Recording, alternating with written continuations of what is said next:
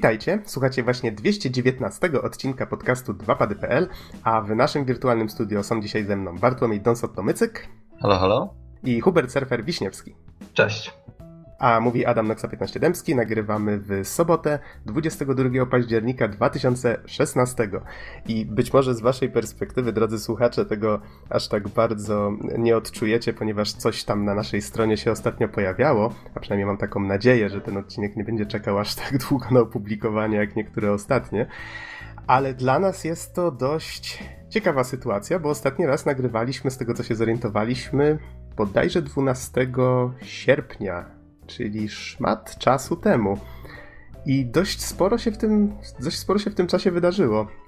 Jak tam panowie, może nim ten, e, nim przejdziemy do tematów głównych tego odcinka, czyli e, będziemy, wklejemy dwie recenzje, które przygotowaliśmy już dużo, dużo wcześniej. Jedna z nich niedługo, mały bo skończyłaby rok, czyli to będzie recenzja Tales of Zestiria, którą nagrałem z surferem jeszcze w 2015. E, do tego dodamy recenzję Wiedźmin 3 Krew i Wino, czyli drugiego dodatku do trzeciego Wiedźmina i te recenzje przygotował Don. E, z kolei teraz we wstępie, który no, naturalnie będzie dużo, dużo yy, świeższy, tak? Tutaj postaramy się zawrzeć trochę informacji z tego, co działo się przez te ostatnie dwa miesiące, ale też z tego, co działo się całkiem niedawno, czyli Surfer opowiesz nam trochę o Warsaw yy, Games Week, tak? Który odbył się kiedy dokładnie? Mm, o, teraz mnie pytasz o takie rzeczy. Kurczę, wcześniej ci mówiłem. E, odbył się w dniach 13-16 mm, października 2016 roku, czyli niewiele ponad tydzień temu. Mhm. Od daty nagrania naszego oczywiście. A w tej chwili z kolei, no wiesz, moja pamięć też ma swoje limity.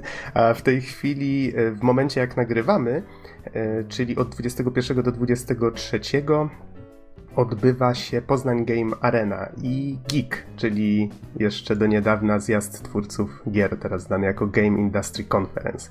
No w tym roku nas tam nie ma, niestety, ale słyszymy, że, że jest tam spore zainteresowanie i, i zwaliła się masa ludzi. E, Okej, okay, to panowie, nim przejdziemy do tych wszystkich tematów i tak dalej, e, powiedzcie mi po prostu tak standardowo, w co tam ostatnio gracie? Może zacznijmy od Dona. Don, co tam ostatnio sobie pykasz? Dużo czasu miałeś na pykanie. No i dużo czasu miałem, ale dużo czasu i na inne rzeczy niestety. Mhm. To może zanim powiem o grach, powiem może, że wreszcie ulepszyłem swój komputer. Wymieniając w nim tylko kartę graficzną na GeForce'a 1060. Mówiąc w skrócie, tam pełna nazwa jakoś dłuższa jest. A w mhm. każdym razie razem z razem z pamięcią RAM 8 GB i procesorem i7 3.1 do 3.5 w stresie maszyna jest no generalnie rzecz biorąc taka, że, że Wiedźmina na maksymalnych może spokojnie uciągnąć. No i wreszcie mogłem zobaczyć e, to, czego nie widziałem i ilość klatek miałem no tak e, no może nie 10 razy większą, ale, ale coś koło tego. E, w każdym razie mm, oprócz... I co, czy to wpłynie w jakikolwiek sposób na, ten, na ocenę końcową? E, znaczy nie, moim zdaniem nie. Szczerze powiedziawszy, nie we wszystkich grach jest tak wielka różnica między tymi minimalnymi a maksymalnymi ustawieniami. E, bardzo często jest po prostu kwestia różnego rodzaju filtrów i innych efektów, które są potem nakładane, ale no nie wiem, nie we wszystkich grach różnica była tak, tak fantastyczna. Mówię tutaj o, o, o grach wysokobudżetowych. E, natomiast tak, jakże mnie ukończył Rise of the Tomb Raider e, jeszcze, kiedy ostatnio nagrywaliśmy, tak teraz nie ukończyłem, ale teraz jestem już przy końcu gry i ostro rzecz nadrabiam. E, dodatkowo ukończyłem Dying Light The Following, czyli dodatek do, oczywiście do Dying Light. Mm, oprócz tego wygrzebałem Orient the Blind Forest, e, grą, którą z tego co wiem dosyć mocno się zachwycałeś i widzę dlaczego. Oj tak, oj tak. E, co a, a, ta, takie pytanko, mhm. a takie pytanko, grasz w Definitive Edition, czy jak to się tam nazywało, czy podstawkę? E, teraz, teraz kupując grę, to po prostu jest już Definitive Edition. Ja kupiłem Aha. grę w wersji pudełkowej i dodało mi dwie od razu, czyli zwykłą i Definitive Edition. I gram w tę drugą. Mhm, rozumiem. Dodatkowo, okay. czym jeszcze się zainteresowałem? Grą strategiczną Kozacy 3, która na dobrą sprawę jest remake'em pierwszej części, już jest dosyć stary. Ona, zdaje się, jeśli dobrze pamiętam, powstawała Kozacy 1 powstawała mniej więcej w, czas, w czasach Age of Empires 2.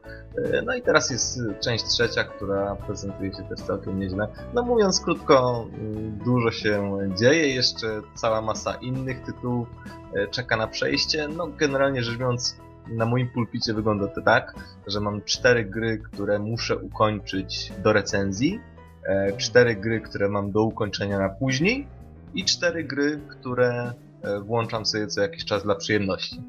Co nie oznacza oczywiście, że, że nie czerpię przyjemności z, z innych, ale, ale jednak mimo wszystko jakaś taka, taka kolejka się utworzyła. Więc mówiąc krótko, dosyć dużo się działo. Mhm. A Surfer, ty w co ostatnio grałeś? Mm, ja w ostatnim czasie, jak nie trudno się domyślić, grałem w e, Forza Horizon 3, która miała premierę około miesiąc temu. Mm, E, do tego zainwestowałem w kierownicę wreszcie do Xboxa One, więc kupiłem Craftsmaster TX 458 Italia Edition. Do tego swoją drogą mój brat też kupił sobie identyczną kierownicę, tylko jeszcze dodatkowo z stałym tam fotelem, stelażem i e, manualną skrzynią biegów, więc też miałem okazję przetestować, jak wygląda to mm, w przypadku gry na manetkach, a jak w przypadku gry na manualnej skrzyni biegów, więc oczywiście o tym troszeczkę więcej opowiem w recenzji, która zapewne już niebawem. E, a poza tym e, z okazji... Wiesz co, wybacz, e, wybacz że ci się wtrącę, ale z takim zestawem to ja bym radził zainteresować, radziłbym ci zainteresować się Dirt Rally. Jednak jest to gra, która... Dirt, Mhm. Dirt Rally też mam na Xbox One, więc e, do, doskonale działa, bardzo fajnie. Fakt, że jest bardzo hardkorowy, ale rajdy są naprawdę super, więc e, nie no, jest to, jest to świetny zestaw i e, Dirt Rally też mam od już dłuższego czasu na Xboxie One, więc też bardzo fajnie. A mhm. poza tym, z okazji tego, że Rockstar dwa dni temu zaprezentował pierwszy trailer Red Dead Redemption 2. Gram pierwszą część, mam już prawie 10 godzin gry e, za sobą. E, no i jest bardzo, bardzo fajnie, więc pewnie, może nie, nie jakaś recenzja, ale takie jakieś kilkuminutowe wrażenia będę już miał po przejściu gry. Mm, ale jak na razie gra się super. Mój znajomy, który nie jest, nie jest fanem westernów, także uwielbia tę grę, więc wydaje mi się, że może ona podejść każdemu. E, niezależnie od tego, czy lubi tego typu klimaty, czy nie. E, I szczerze mówiąc, to jest wszystko. Nie, miałem okazję tam chwilę pograć w. Mm, o, wyleciała mi z głowy. Taka platformówka na Xbox One, zaraz sobie przypomnę. Mhm. To może ja w takim razie... Wiesz co, tak, tak, no to popowiadaj, a ja, a ja jeszcze sobie nadrobię, dlatego że wiesz, tyle czasu minęło, że już mi się to wszystko zlało w jedną całość i nie jestem pewien, co ja ostatnio grałem, a co nie. No, ale zaraz, zaraz ci powiem. Ja niestety jestem słabo przygotowany do opowiadania o tym, e, w co ostatnio grałem. Na pewno wczoraj wieczorem, czy właściwie dzisiaj o czwartej w nocy, skończyłem w końcu Niera czyli e, ten pierwowzór Nier Automata, który wyjdzie na początku przyszłego roku, a przy okazji spin-off serii Drakengard. Jestem pewien, że będę o nim jeszcze na podcaście mówił i no, tylko problem w tym, że zobaczyłem dopiero pierwsze zakończenie, a tych jest pewnie, pewnie kilka, tak jak w tej serii zwykle to, to się odbywa. E, więc do Niera jeszcze, jeszcze wrócę. Nadal mam masę rozpoczętych gier z tego roku i to jest chociażby Dark Souls 3, które do którego wracam co jakiś czas, wciąga mnie, siedzę przy nim wiele godzin, potem znowu odkładam i tak w kółko, ale mam wrażenie, że jestem już pod, samą, e, pod samym końcem, tylko że ostatni raz chyba włączałem je w sierpniu. no właśnie, tak, tak się rozjechało trochę. Chyba więcej więcej zajmowałem się przez te dwa miesiące różnymi innymi rzeczami, tam wyjazdami. Chyba wszyscy, wszyscy cierpimy chyba na ten problem. Tak, tak. Jakieś masa wyjazdy... gier rozpoczętych, masa gier w kolejce. Jak to no, no, dokładnie, dokładnie. W tym roku mam wrażenie, że bardzo dużo gier napocząłem i niewiele z nich skończyłem. Muszę trochę do końca roku to e, dopiąć żeby, żeby się przygotować lepiej na podsumowanie roku. E, na pewno Hyper Light Drifter, o właśnie, to zacząłem przed wakacjami jeszcze. No masa rzeczy, ale z takich rzeczy z tych ostatnich dwóch miesięcy e, z surferem mieliśmy okazję być na zlocie znajomych i tam, tam poznaliśmy grę, która nazywa się Virginia. Nie wiem, czy Don miałeś okazję ją poznać. Znaczy, widziałem ją na Steamie i szczerze powiedziawszy, bo, bo mi zawsze tam tych proponowanych tego typu gry wyskakują, więc, Mhm. więc mniej więcej wiem co się dzieje i czasem co jakiś ciekawszy tytuł faktycznie warto wyłapać. Em, wygląda to inaczej niż, y, niż typowa gra, co już w pewnych przypadkach każe przypuszczać, że być może jest to coś interesującego. Tak, mnie się bardzo podobała, chociaż ja w nią nawet nie grałem, ja tylko patrzyłem. E, Jak Rezil, który już nieraz tutaj gościł u nas na podcaście, e, chciał nam ją polecić i powiedział, że on będzie grał, bo on wie po prostu co robić, żeby to faktycznie było takie płynne jak film. I przyznam szczerze, że faktycznie było płynne jak film. Tę grę można najzwyczajniej w świecie oglądać, jak ktoś, mm, ktoś wie co robić i, i ją w ten sposób poznać. E, Ale zaraz po zlocie, mimo tego, że już wiedziałem, co tam się dokładnie dzieje, kupiłem ją. Po prostu stwierdziłem, że twórcom należy się jak, jak za bilet w kinie, tak? Świetna rzecz. Mm, I że, zwłaszcza jeżeli ktoś lubi takie opowieści o detektywach z FBI, o małych miasteczkach ze swoimi własnymi tajemnicami. Twórcy bardzo fajnie operują cięciami, czyli na zasadzie mamy muzykę, która jest idealnie dopasowana do cięć. Powiedzmy, jedziemy samochodem, możemy się swobodnie rozglądać i nagle po paru sekundach ciach i mamy zupełnie inną scenę w zupełnie innym miejscu, ale muzyka dalej kontynuuje, czyli ona nie musi się przejmować tym, że powiedzmy, czy grać wejdzie w jakieś drzwi, czy nie. Czasami tak, czasami tak, ale są momenty, w których gra po prostu zasuwa przed siebie i my musimy jakby swoją wyobraźnią luki w tym wszystkim uzupełniać. Podobało mi się to, chociaż ostatnio jak patrzyłem, to mam wrażenie, że wiele osób krytykuje bardzo tę grę. Właśnie za to. Właśnie za to, co niektórym się w niej podoba. Więc musicie sprawdzić sami. Gra chyba ma demko, jeżeli się nie mylę, więc możecie zobaczyć, czy to jest coś, co wam odpowiada. No i polecam się zapoznać. Mnie się bardzo podobało. Bardzo nietypowa, fajna produkcja. I ciekawie właśnie No. prowadzi narrację. No właśnie, ja mam e, zupełnie odwrotne zdanie. Ja, ja byłem troszeczkę zawiedziony. Myślałem, że ta intryga troszeczkę bardziej inter- i- interesujący sposób się zakończy. No ale to wiadomo, że mm, je, jeżeli ktoś lubi tego typu klimaty, to być może mu się spodoba. E, Tak jak mówiłeś, jest demo, więc można wypróbować, zobaczyć o co mniej więcej chodzi. Mm, No i jak widzicie, opinie są podzielone. Noxowi się podoba, mi się nie podoba. No ale A ja zagrać jestem możecie chętny. sami. A ty jesteś chętny, więc tak, więc, e, więc sobie zagrajcie i, i sprawdźcie sami. Szczególnie, że chyba nie kosztuje to jakoś bardzo dużo. E, 40 zł, więc widać, że twórcy. e, Znaczy około 40 zł tam w przeliczniku z dolarów, z tego co pamiętam. Więc twórcy byli chyba świadomi tego, że ta gra może wywołać jakieś tam kontrowersje swoją e, długością i, i sposobem narracji, więc nie chcieli ryzykować i widać, że, że ta cena już na wstępie była dość, dość niska. Ja polecam. E, Okej, to była Virginia. Z kolei, e, Surfer, ty chciałeś jeszcze o czymś wspomnieć. Czy udało ci się to znaleźć?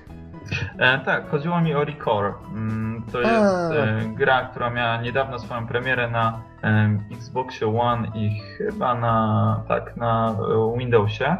Mm, ale dosłownie króciutko pograłem, więc tutaj jakieś długie wrażenia nie będą. Gra się w to przyjemnie, e, aczkolwiek niestety te loadingi są dosyć bolesne i to jest właśnie ten główny zarzut e, względem tej gry.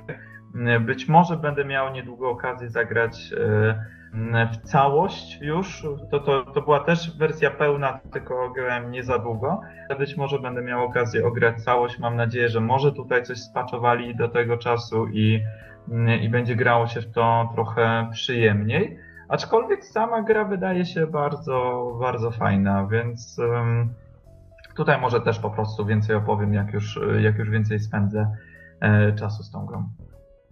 Okej, w takim razie przejdźmy do, do Twojej relacji WGW. E, Jeszcze nim, e, nim zaczniesz, m, właśnie tak sobie tutaj zanotowałem, że sprzętowe rzeczy, które przez ostatnie dwa miesiące, bo wiadomo, że tam różne gry się pojawiały i tak dalej, było tego sporo, o wszystkim nie wspomnimy, ale e, Sony ogłosiło PlayStation 4 Pro, było to 7 września na PlayStation Meeting 2016. Wspomnieliśmy o tym na naszym Facebooku, więc prawdopodobnie tam mogliście się na to natknąć. Konsola ma się ponoć ukazać 10 listopada i z tego co pamiętam e, z zapowiedzi, to po prostu jest wersja PS4 przygotowana pod 4K i e, nie, nie będzie na nią żadnych ekskluzywnych tytułów. To ma być taka wersja, y, która pozwoli na przykład twórcom dodać do gry tryb, w którym gra będzie trochę lepiej wyglądać, tak? Albo będzie mm, po prostu dostosowana do tej wyższej rozdzielczości. Z tego co słyszałem, twórcy Tomb Raidera y, trzy tryby aż chyba dodali, czyli y, właśnie 4K w 30 klatkach albo 30 klatek powiedzmy w, z lepszą jakością grafiki, tak, niż na zwykłym PS4, tego typu rzeczy. Już nie pamiętam szczegółów. Albo, ale... E, albo 60 klatek w rozdzielczości 640 na 480. A, okej. Okay. Okej, okay. no, czyli w tej chwili. E, już... To, to, PC Master Race robi sobie jaja z ciebie, nie wiesz tego na poważnie. E, nie, ale, ale tak na serio, wiesz co, czytałem o jakiejś e, kolejnej grze, która będzie wykorzystywać te dwa tryby. Właśnie mm, tryb, który zadowoli ludzi, którzy mają już e, telewizory 4K z HDR-em i tak dalej ale będzie też tryb na przykład pod 1080p, który będzie e, pozwalał na uruchomienie gry w, takich, w takiej high-endowej konfiguracji jak na PC, tylko po prostu w rozdzielczości 1080p przy 30 klatkach. E, w tym momencie oczywiście jak potrzeba, to, to nie pamiętam o jakiej grze czytałem i nie mogę znaleźć tej informacji, bo od kilku minut szukam. Aczkolwiek właśnie, właśnie jakaś jedna z nadchodzących gier E, w najbliższym czasie będzie wspierać te dwa tryby. Więc widać, że mm, e, być może będziemy liczyli, możemy liczyć na e, więcej tego typu gier, co by było fajne. Dlatego, że ja akurat tutaj opowiem troszeczkę więcej o moich wrażeniach z PS4 Pro. Mieliśmy okazję zobaczyć Horizon Zero Dawn właśnie, które działało na takim telewizorze z najwyższej półki. I właśnie zastanawiałem się, jak jaki jest sens kupować ten telewizor, jeżeli ma się tylko Full HD w swoim domu, ale właśnie jeżeli tych gier, które wspierają oba tryby będzie więcej, to wtedy, wtedy to PS4 Pro może mieć także sens dla ludzi, którzy y, nie mają zamiaru kupować w najbliższym czasie drogiego telewizora 4 Mm -hmm. A tak jeszcze, Don, jaką ty tą rozdzielczość podałeś? Bo może faktycznie nie załapałem do wcipu, bo się nie wsłuchałem. E, 640 na 480 okay. pikseli. Okej, okay, masz mnie. Stałem się nabrać. E, jeszcze jest jeden powód, dla którego ktoś może kupić PS4 Pro.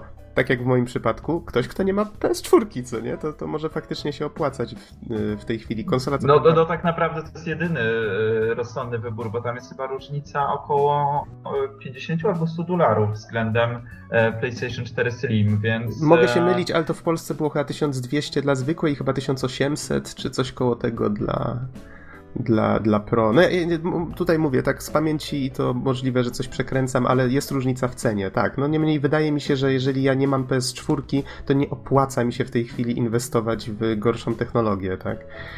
E, powiem Ci tak, konsola PlayStation 4 Slim z dyskiem 1 tera, czyli w takiej samej konfiguracji, jeżeli chodzi o dysk jak e, PlayStation 4 Pro, to jest cena aktualnie 1499 zł, kontra 1799 zł za e, wersję Pro, czyli 300 zł różnicy, a masz dużo mocniejszy sprzęt, e, więc wydaje mi się, że e, tak naprawdę ten PlayStation 4 Slim ma, hmm, jest takim średnim, średnim pomysłem według mnie. Wiadomo, że zapewne Sony poszło w tym kierunku ze względu na cięcie kosztów, ale jeżeli właśnie ktoś tak jak ty nie ma konsoli, to, no to e, tro, trochę szkoda by było e, za tutaj różnicę 300 zł kupować dużo słabszy sprzęt. Przynajmniej takie, takie jest Mhm. Surfer trochę za wcześnie cię urywa, tak tylko chciałem nadmienić, ale podałeś tutaj ważną informację, o której ja zapomniałem, czyli właśnie to, że razem z Pro ogłoszono Slimkę, tak? No tak, czyli mamy, mamy tak, nowe... jest, to ta sama, jest to ta sama konsola, chyba tylko z tego co wiem jest ten odświeżony pad, chociaż też nie jestem pewien. Mm, Jakieś tam tak, delikatne tego, zmiany są. Tak, z tego co widzę on jest lekko odświeżony, ma ten um, pasek LEDowy w, na touchpadzie swoim i tak dalej. Mm, przy czym ta Slimka i tak zdecydowanie gorzej się prezentuje według mnie od konkurencji, czyli Xbox One S, ale o tym może później, żeby tutaj nie wyprzedzać za mocno. Okej, okay, to żeby dopiąć już e, kwestie sprzętowe, e, czyli to, co się działo przez ostatnie dwa miesiące, 13 października, to akurat było całkiem niedawno, miał swoją premierę PlayStation VR, który też miałeś już okazję przetestować. I ja akurat mam z nim codziennie do czynienia w pracy, więc też może coś od siebie dodam. E, I Nintendo Switch który 20 października, czyli przedwczoraj, został ogłoszony przez Nintendo i to jest to, to słynne NX, czyli kolejna konsola, która miała być następcą Wii U. No i już wiemy, że to jest Nintendo Switch. I jak to najprościej podsumować? Nintendo zrobiło swój własny tablet, który ma doczepiane po bokach y, pady, takie dwa małe pady, które razem tworzą padlet który przypomina ten z Wii U.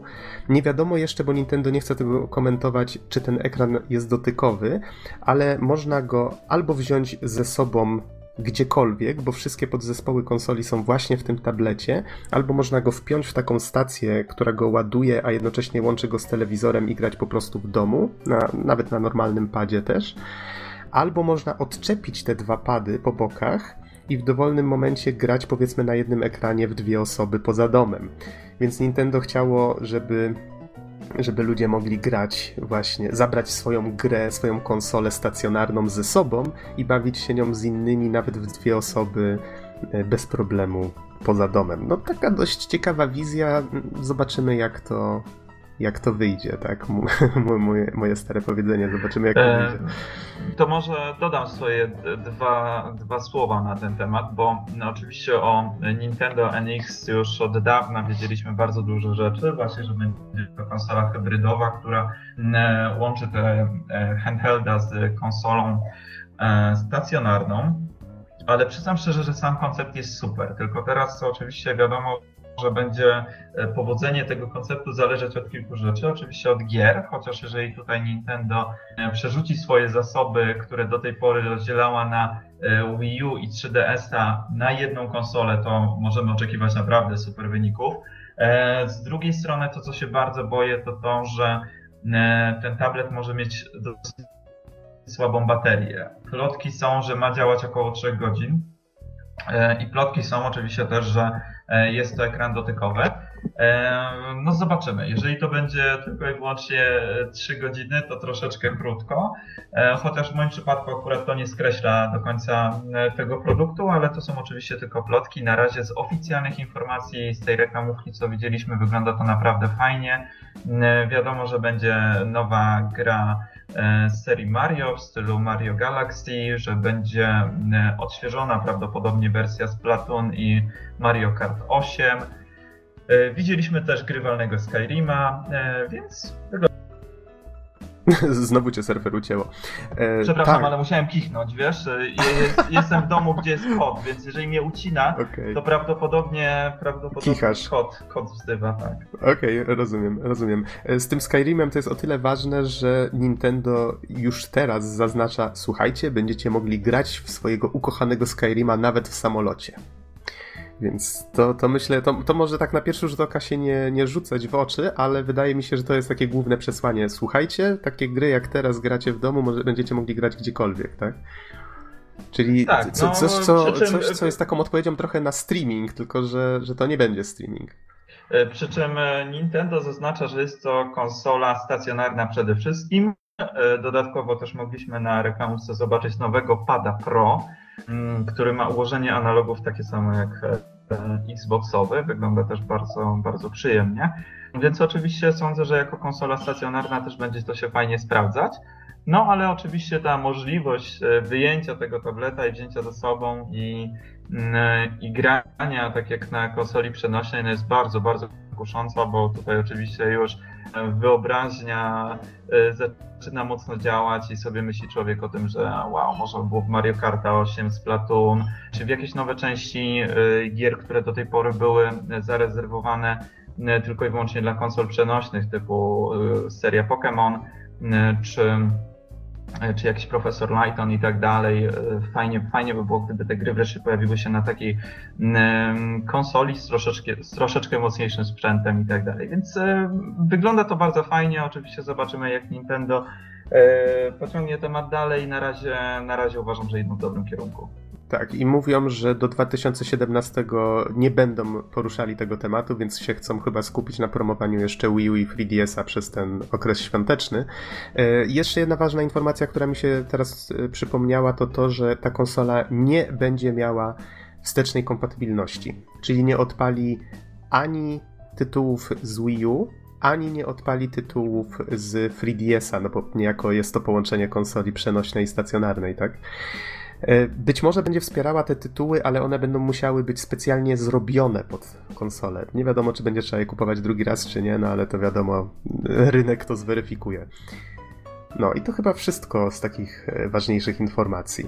Wydaje mi się, że najwyższa pora przejść do, e, do WGW, czyli Warsaw Games Week i Przypomnij jakieś podstawowe informacje surfer na temat tego wydarzenia. Powiedz, co tam robiłeś, co widziałeś. Proszę bardzo. E, z tego co wiem, to była to druga edycja Warsaw Games Week, chociaż pewien nie jestem, bo o tym wydarzeniu usłyszałem dopiero w zeszłym roku, właśnie przy okazji poprzedniej edycji i opinie były bardzo dobrze. Być może ta impreza odbywała się wcześniej, ale nie było takiego szumu. W każdym razie w tym roku e, impreza odbyła się w warszawskiej hali Expo 21 w dniach 13-16 października. Mm, my jako prasa, czyli Inner World, gdzie byliśmy dwie osoby razem z Mateuszem Kalickim, jako prasa mieliśmy wejście troszeczkę wcześniej niż e, reszta ludzi, to znaczy od godziny 10 w czwartek. Normalnie targi były otwarte od godziny 14. Mm, więc dzięki temu mogliśmy sobie przetestować bardzo dużo gier mm, bez stania w kolejkach, czekania i tak dalej. Chociaż w ogóle ten czwartek był taki bardzo luźny. Wiadomo, że jednak duża część ludzi była albo w pracy, albo w szkole i tak dalej, więc podobno ruch był dużo większy w weekend. Nas to ominęło, my mieliśmy tylko i wyłącznie czwartek do swojej dyspozycji. Mm, no i co tutaj z ciekawszych rzeczy? Może zacznę od PlayStation VR, bo teraz jest taki duży boom i hype na to wszystko. Ludzie się zastanawiają, jak to działa, czy to PlayStation VR ma w ogóle jakikolwiek sens, e, czy opłaca się to kupować. Mm, ja mogę porównać to tylko i wyłącznie do e, edycji już konsumenckiej Oculusa, Oculus Rift E, którą miałem okazję też testować w tym roku. No i tutaj pograłem kilka gier. E, pierwszą grą jest tytuł, o, której ja, o którym akurat ja nie słyszałem wcześniej. Jest to Farpoint. To jest gra, w której. Mm, Strzelanka z tego co pamiętam. Tak, to jest, to jest strzelanka, w której się poruszamy normalnie, pierwszoosobowa, mm, w której trzymasz ten plastikowy karabin z zamontowanym mówem. No i tutaj niestety przy każdym kroku w przód było czuć mm, takie, takie dziwne uczucie niepewności. W sensie czułem, że się lekko gniewałem do przodu i do tyłu. Mm, więc nie było to przyjemne. Pograłem może z 10 minut, nie było to jakieś najprzyjemniejsze przeżycie, chociaż sama gra prezentowała się od strony technicznej bardzo fajnie, bardzo dobrze. I tutaj PlayStation VR zrobiło na mnie dobre wrażenie, bo jest częściowo pod pewnymi względami jest lepsza jakość obrazu niż na konkurencyjnych VR-ach. To jest tak zwany ten, dobrze pamiętam, screen door effect, czyli że nie widać aż tak bardzo przestrzeni między pikselami. Na Oculusie strasznie mnie to raziło, że było widać takie czarne kropki wszędzie, taką siatkę stworzoną z takich czarnych kropek i nie wiedziałem właśnie co to jest. No i okazuje się, że to jest właśnie ten efekt, który bardzo ciężko na razie jest e, przy VR-ze e, ominąć, pozbyć się go jakoś. Na szczęście na PlayStation VR, mimo tego, że jest ten ekran niższej rozdzielczości, to, to tak nie razi jest dużo lepsze. Być może jest to kwestia tego też, że no, ze strony Sony jest jakieś mocniejsze wsparcie dla E, dla software'u, przez co te gry są może bardziej dopracowane, nie wiem, ale oczywiście Farpoint prezentował się bardzo fajnie. Mm, niestety, niestety typowe dla VR efekty uboczne były. Niech ja sprawdzę, co, co kolejnego było w kolejce. E, Riggs to jest gra, która też bardzo mocno jest reklamowana przy okazji każdego materiału promocyjnego PlayStation VR. To jest mm, strzelanka online E, w której e, siedzimy w mechu e, i strzelamy do innych graczy. I ta gra też prezentuje się bardzo fajnie, gra się w nią naprawdę dobrze. Pograłem około 10-15 minut, niestety skończyło się to później dwugodzinnym bólem głowy. Więc, więc po prostu w pewnym momencie siedzę, gram i mówię, o kurczę, dość, bo zaczynam -hmm. się czuć niedobrze. W sensie nie, nie to, że mi się chce wymiotować czy coś, ale po prostu czuję, że bo jak głowa źle na to reaguje już po pewnym czasie, więc niestety no, widać, że te gry na VR są troszeczkę hmm, nie będą tak nie można ich traktować w taki sam sposób jak klasyczne gier, że siadasz przed konsolą i grasz 10 godzin, tylko są to takie krótkie, krótkie sesje. Zresztą mój kolega, e, redaktor Kalicki, e, grał w Resident Evil 7 i niestety tam też zawroty głowy były dosyć mocne. Zresztą nie tylko u niego, widziałem też e, innych ludzi, rozmawiałem z innymi ludźmi. No i niestety wszędzie, gdzie ta kamera się porusza, gdzie możemy ją poruszać albo z trzeciej osoby, albo z pierwszej osoby się poruszamy, no to, no to jest bardzo nieprzyjemnie. No i ostatnią grą, którą ja wypróbowałem na VR, był Bound czyli gra łódzkiego studia Plastik, która miała swoją premierę jakiś czas temu. Wiesz, Nox, że wielkim fanem nie jestem tego typu gier, ale jest to jak na razie jedna z najlepszych gier, znaczy no, po prostu najlepsza gra na VR, jaką grałem, dlatego że jest świetnie zaimplementowany um, ruch kamery. Może więcej opowiesz ty na ten temat, bo to jest gra, e, przy której współpracowałeś. E, tak, zgadza się i warto to tutaj podkreślić, że ja pracuję już od, od roku dokładnie e, w łódzkim Studio Plastik. Wspominałem już na podcaście, że pracujemy nad Boundem. On miał premierę 16 sierpnia, więc już jakiś kawałek e, czasu temu. W tej chwili on dostał już na premierę PlayStation VR wsparcie, to był patch każdy, kto miał grę wcześniej, mógł od razu odpalić ją w VR-ze. Jeżeli chodzi o kamerę, wiesz co, jak tutaj mówiłeś właśnie o, tych, e, o, o, tym, że się ludzie źle czują i tak dalej, to od razu sobie przypomniałem bardzo dużo różnych rzeczy, o których moglibyśmy tu wspomnieć i mam wrażenie, że nie mamy na to w tej chwili czasu, ale powiem tak tylko szybko, że projektowanie gier na VR to jest w tej chwili zupełnie inna sztuka game designu. I myślę, że bardzo wielu twórców dopiero się uczy, znaczy no już biorąc pod uwagę, że ten VR od pewnego czasu istnieje w tej wersji prototypowej, to mieli trochę czasu, żeby już pewne wnioski wyciągnąć, ale myślę, że ten proces będzie trwał, e, to będzie proces ciągły, tak, że e, w tej chwili już widać wyraźnie, że wszystkie gry, w których jest przyspieszenie, czyli powiedzmy, że może gracz sam wybrać, czy samochód, w którym na przykład siedzi w tym VR, jedzie wolniej albo szybciej, coraz szybciej, coraz szybciej, to jest coś, co bardzo dużo nudności powoduje. Jeżeli jest jakaś stała prędkość, z jaką porusza się kamera, wtedy jest ok, wtedy jest już dużo lepiej. Z kolei najlepsze i najmniej, e, najmniej powodujące jakiekolwiek nudności w VR to są sytuacje, w których kamera jest statyczna, znaczy nie tyle statyczna, za, zaczepiona w jednym miejscu. I wtedy jedyne ruchy, które wykonujemy, to są naszą głową. Czyli jak się sami naturalnie rozglądamy, bo już ta technologia jest na tyle dopracowana, że to, to nasz mózg odbiera to jako coś naturalnego. Ruszamy głową w lewo, widzimy dokładnie e, ten ruch na ekranie, więc to, to właśnie powoduje najmniej nudności. No i twórcy już w różny sposób z tym walczą, tak jak mówię, nie chciałbym się tutaj nad tym zbyt dokładnie rozwodzić, ale w Boundzie akurat postawiliśmy na to, żeby to była naj, jak najmniej, żeby dało się grać jak najdłużej, jak najprzyjemniej. Więc ta kamera działa w ten sposób, że ona jest zaczepiona w konkretnych punktach i tylko prawą gałką ym, wybieramy momenty, w których życzymy sobie, żeby ona na przykład podleciała z powrotem do postaci i przez podleciała mam na myśli, że ona po prostu mamy takie bardzo błyskawiczne wyciemnienie i, i pojawienie się w nowym miejscu. I to wyciemnienie takie króciutkie, ono też w jakiś tam sposób działa na mózg, że, że jest to dużo przyjemniejsze.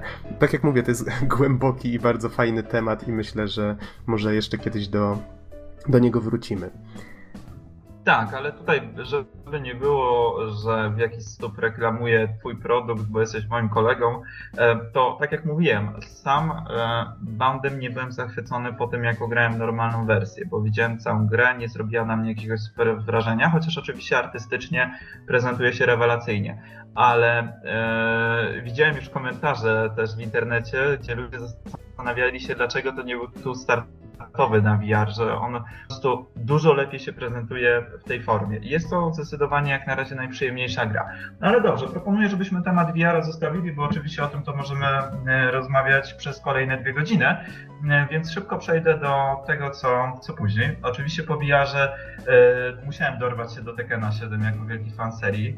Mm, pograliśmy wersję na PlayStation 4. Widać, że ta wersja jest jeszcze w bardzo wczesnej fazie produkcji i szlifowania, dlatego że były tylko trzy plansze do wyboru, bardzo długie loadingi.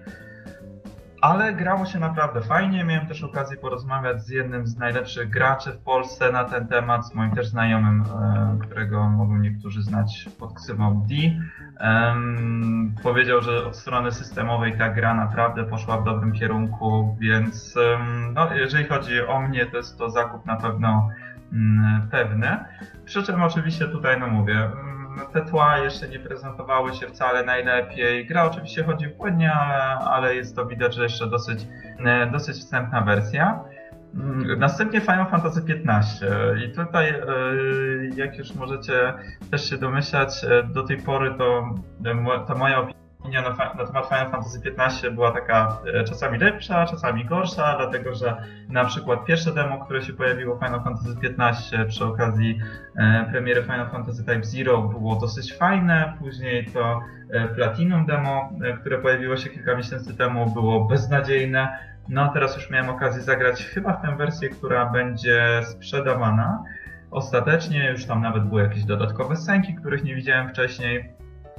I grało się to naprawdę fajnie, to znaczy gra jest dosyć płynna, widać, że e, ta jakość obrazu jest polepszona względem tego, co było. Nadal nie jestem przekonany do systemu walki, mm, szczególnie gdzie, szczególnie w przypadku walk Mm, w jakimś zamkniętym pomieszczeniu. No, niestety ta kamera potrafi wariować i jest to wszystko dosyć mocno chaotyczne. Aczkolwiek być może jest to tylko i wyłącznie kwestia przyzwyczajenia i kwestia, kwestia wprawy, żeby być po prostu lepszym w tej grze. Ale jeżeli chodzi o sam świat, o postacie, to wszystko prezentuje się naprawdę fajnie, więc e, no sądzę, że premiera, e, koło jakoś premiery będę miał już gotową recenzję, przynajmniej mam taką nadzieję. E, więc zapewne wtedy opowiem troszeczkę więcej, ale pierwsze wrażenie z tej ostatecznej wersji jest naprawdę fajne. No i z tego, co też e, czytałem w internecie, e, niektóre redakcje światowe miały okazję już pograć 15 godzin i tam też opinie na temat gry są jak najbardziej pozytywne. Następnie nie mogłem nie ominąć stanowisk z Gran Turismo Sports. Co znaczy nie ominąć? Przepraszam, nie mogłem ominąć. Eee, oczywiście musiałem się skusić na to, żeby, e, żeby pograć, zobaczyć jak, jak się gra e, w porównaniu do mojej ulubionej serii e, wyścigów, czyli Forzy. Co ciekawe, grałem tak na dobrą sprawę na identycznej kierownicy jak moja, czyli też Master. To jest ten sam sprzęt, tylko oczywiście jeden działa tylko i wyłącznie pod Xboxem One i Windowsem, a drugi działa pod Windowsem i PlayStation 4, więc dzięki temu mogłem sobie ustawić tę kierownicę dokładnie tak, jak mam ją ustawioną w domu. Um, no i cóż, wrażenia nie są najlepsze. E, graficznie prezentuje się to średnio. Tak dla, dla fanów sportów motorowych mogę powiedzieć, że wybrałem Nissana GTR nowego, jechałem po Nürburgringu, więc jest to samochód z e, Nissan GTR, to jest samochód z napędem 4x4, no i tutaj e, już było widać te wady e, fizyki tej gry. Na przykład po tym jak najechałem przy niedużej prędkości jednym kołem na trawę, e, zamiast ten samochód mnie wyciągnąć, skoro trzy koła są na, na asfalcie, to po prostu zaczął wariować i gdzieś tam był nie do opanowania. I takich sytuacji niestety było kilka. Jeżeli ktoś lubi serię, to zapewne będzie zadowolony, no bo jest to E, jest to tak na dobrą sprawę bardzo podobna gra do Gran Turismo 6. Co ciekawe, nie ma obsługi manualnej skrzyni biegów. E, mam na myśli tutaj e, skrzynię biegów, którą możesz dokupić do kierownicy na przykład. Oczywiście w samej grze możesz sobie manetkami bądź przyciskami na padzie zmieniać te biegi, ale już samej manualnej skrzyni biegów w tej grze nie będziesz mógł używać. No i cóż, no tutaj nie ma za bardzo się na czym rozwodzić. Jakie Gran Turismo jest, każdy widzi. Gra, seria według mnie już od, od kilku dobrych części idzie cały czas w dół. No i niestety tutaj ta różnica między Gran Turismo a Forza e, robi się coraz, coraz większa. Według mnie Gran Turismo gdzieś tam się zatrzymało kilka lat temu na swojej drodze rozwoju, a Forza według mnie wybiega dosyć mocno w przód, więc mm, wygląda to słabo. Mała ilość torów, mała ilość samochodów. Mm, z tego co wiem w ostatecznej wersji wcale nie, nie będzie dużo lepiej, chyba z tego co wiem będzie coś niewiele ponad 100 samochodów. Mm, więc opinia nie jest, nie jest jak na razie najlepsza. E, teraz e, powrócimy do tematu sprzętu, czyli PlayStation 4 Pro. Z moim kolegą zapisaliśmy się na taki pokaz e, właśnie możliwości nowej konsoli Sony przy okazji ogrywania Horizon Zero Dawn. Niestety nie mieliśmy możliwości wtedy tego ograć, mogliśmy tylko zobaczyć. I było to to samo demo, które było zaprezentowane na ostatnim trailerze.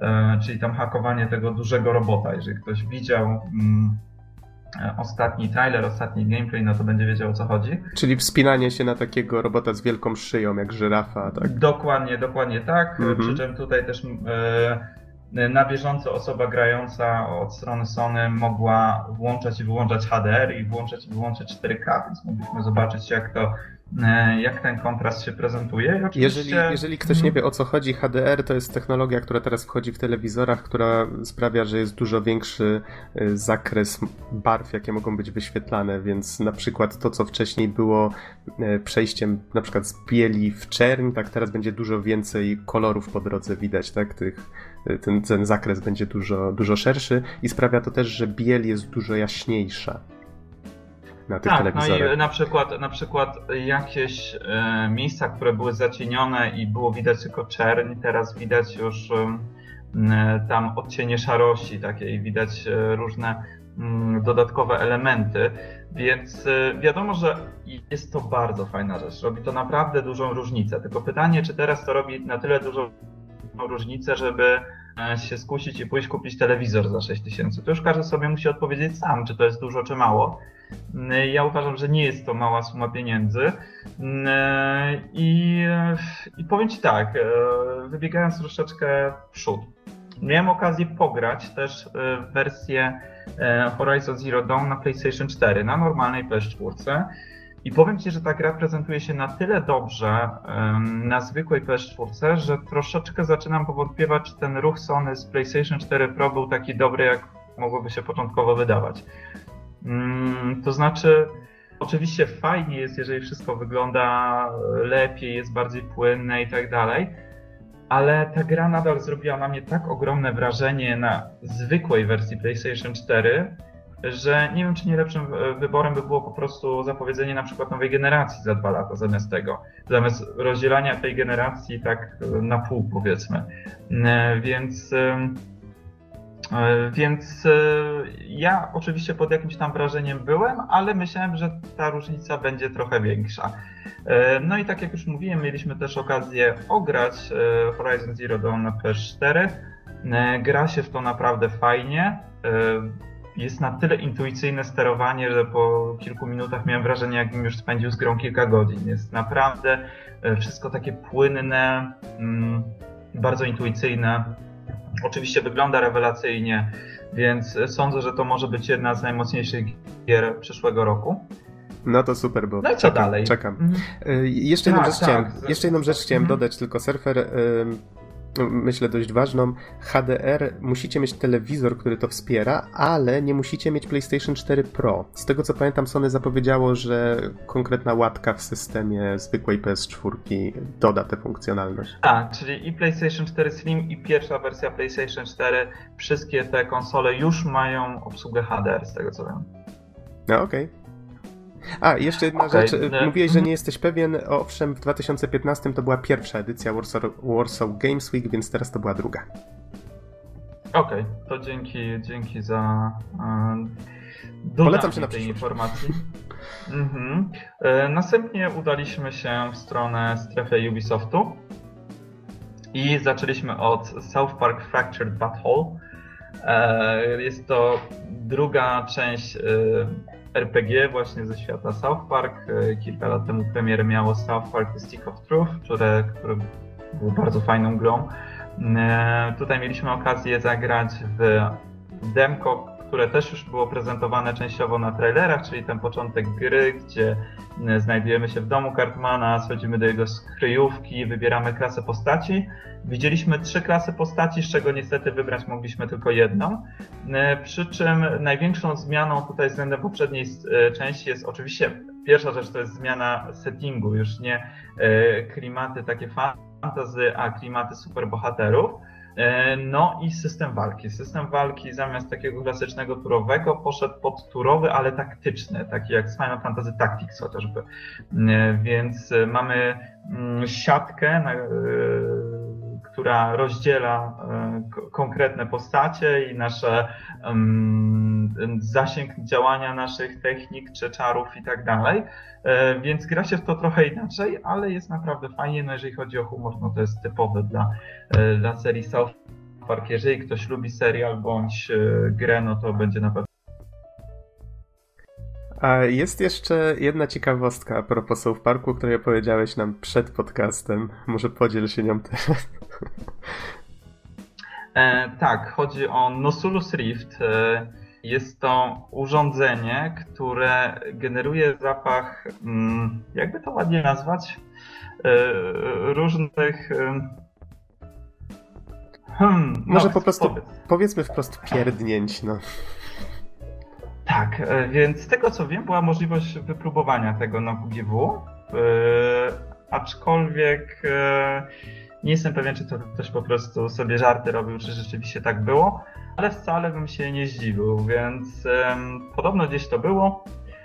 Zakłada się to takie urządzenie na nos. E, tak, widzę nawet, że teraz, e, teraz jakąś reklamówkę, e, że Ubisoft na T-Mobile Warsaw Games Week poczuł jak działa Nosulus Rift na WGW.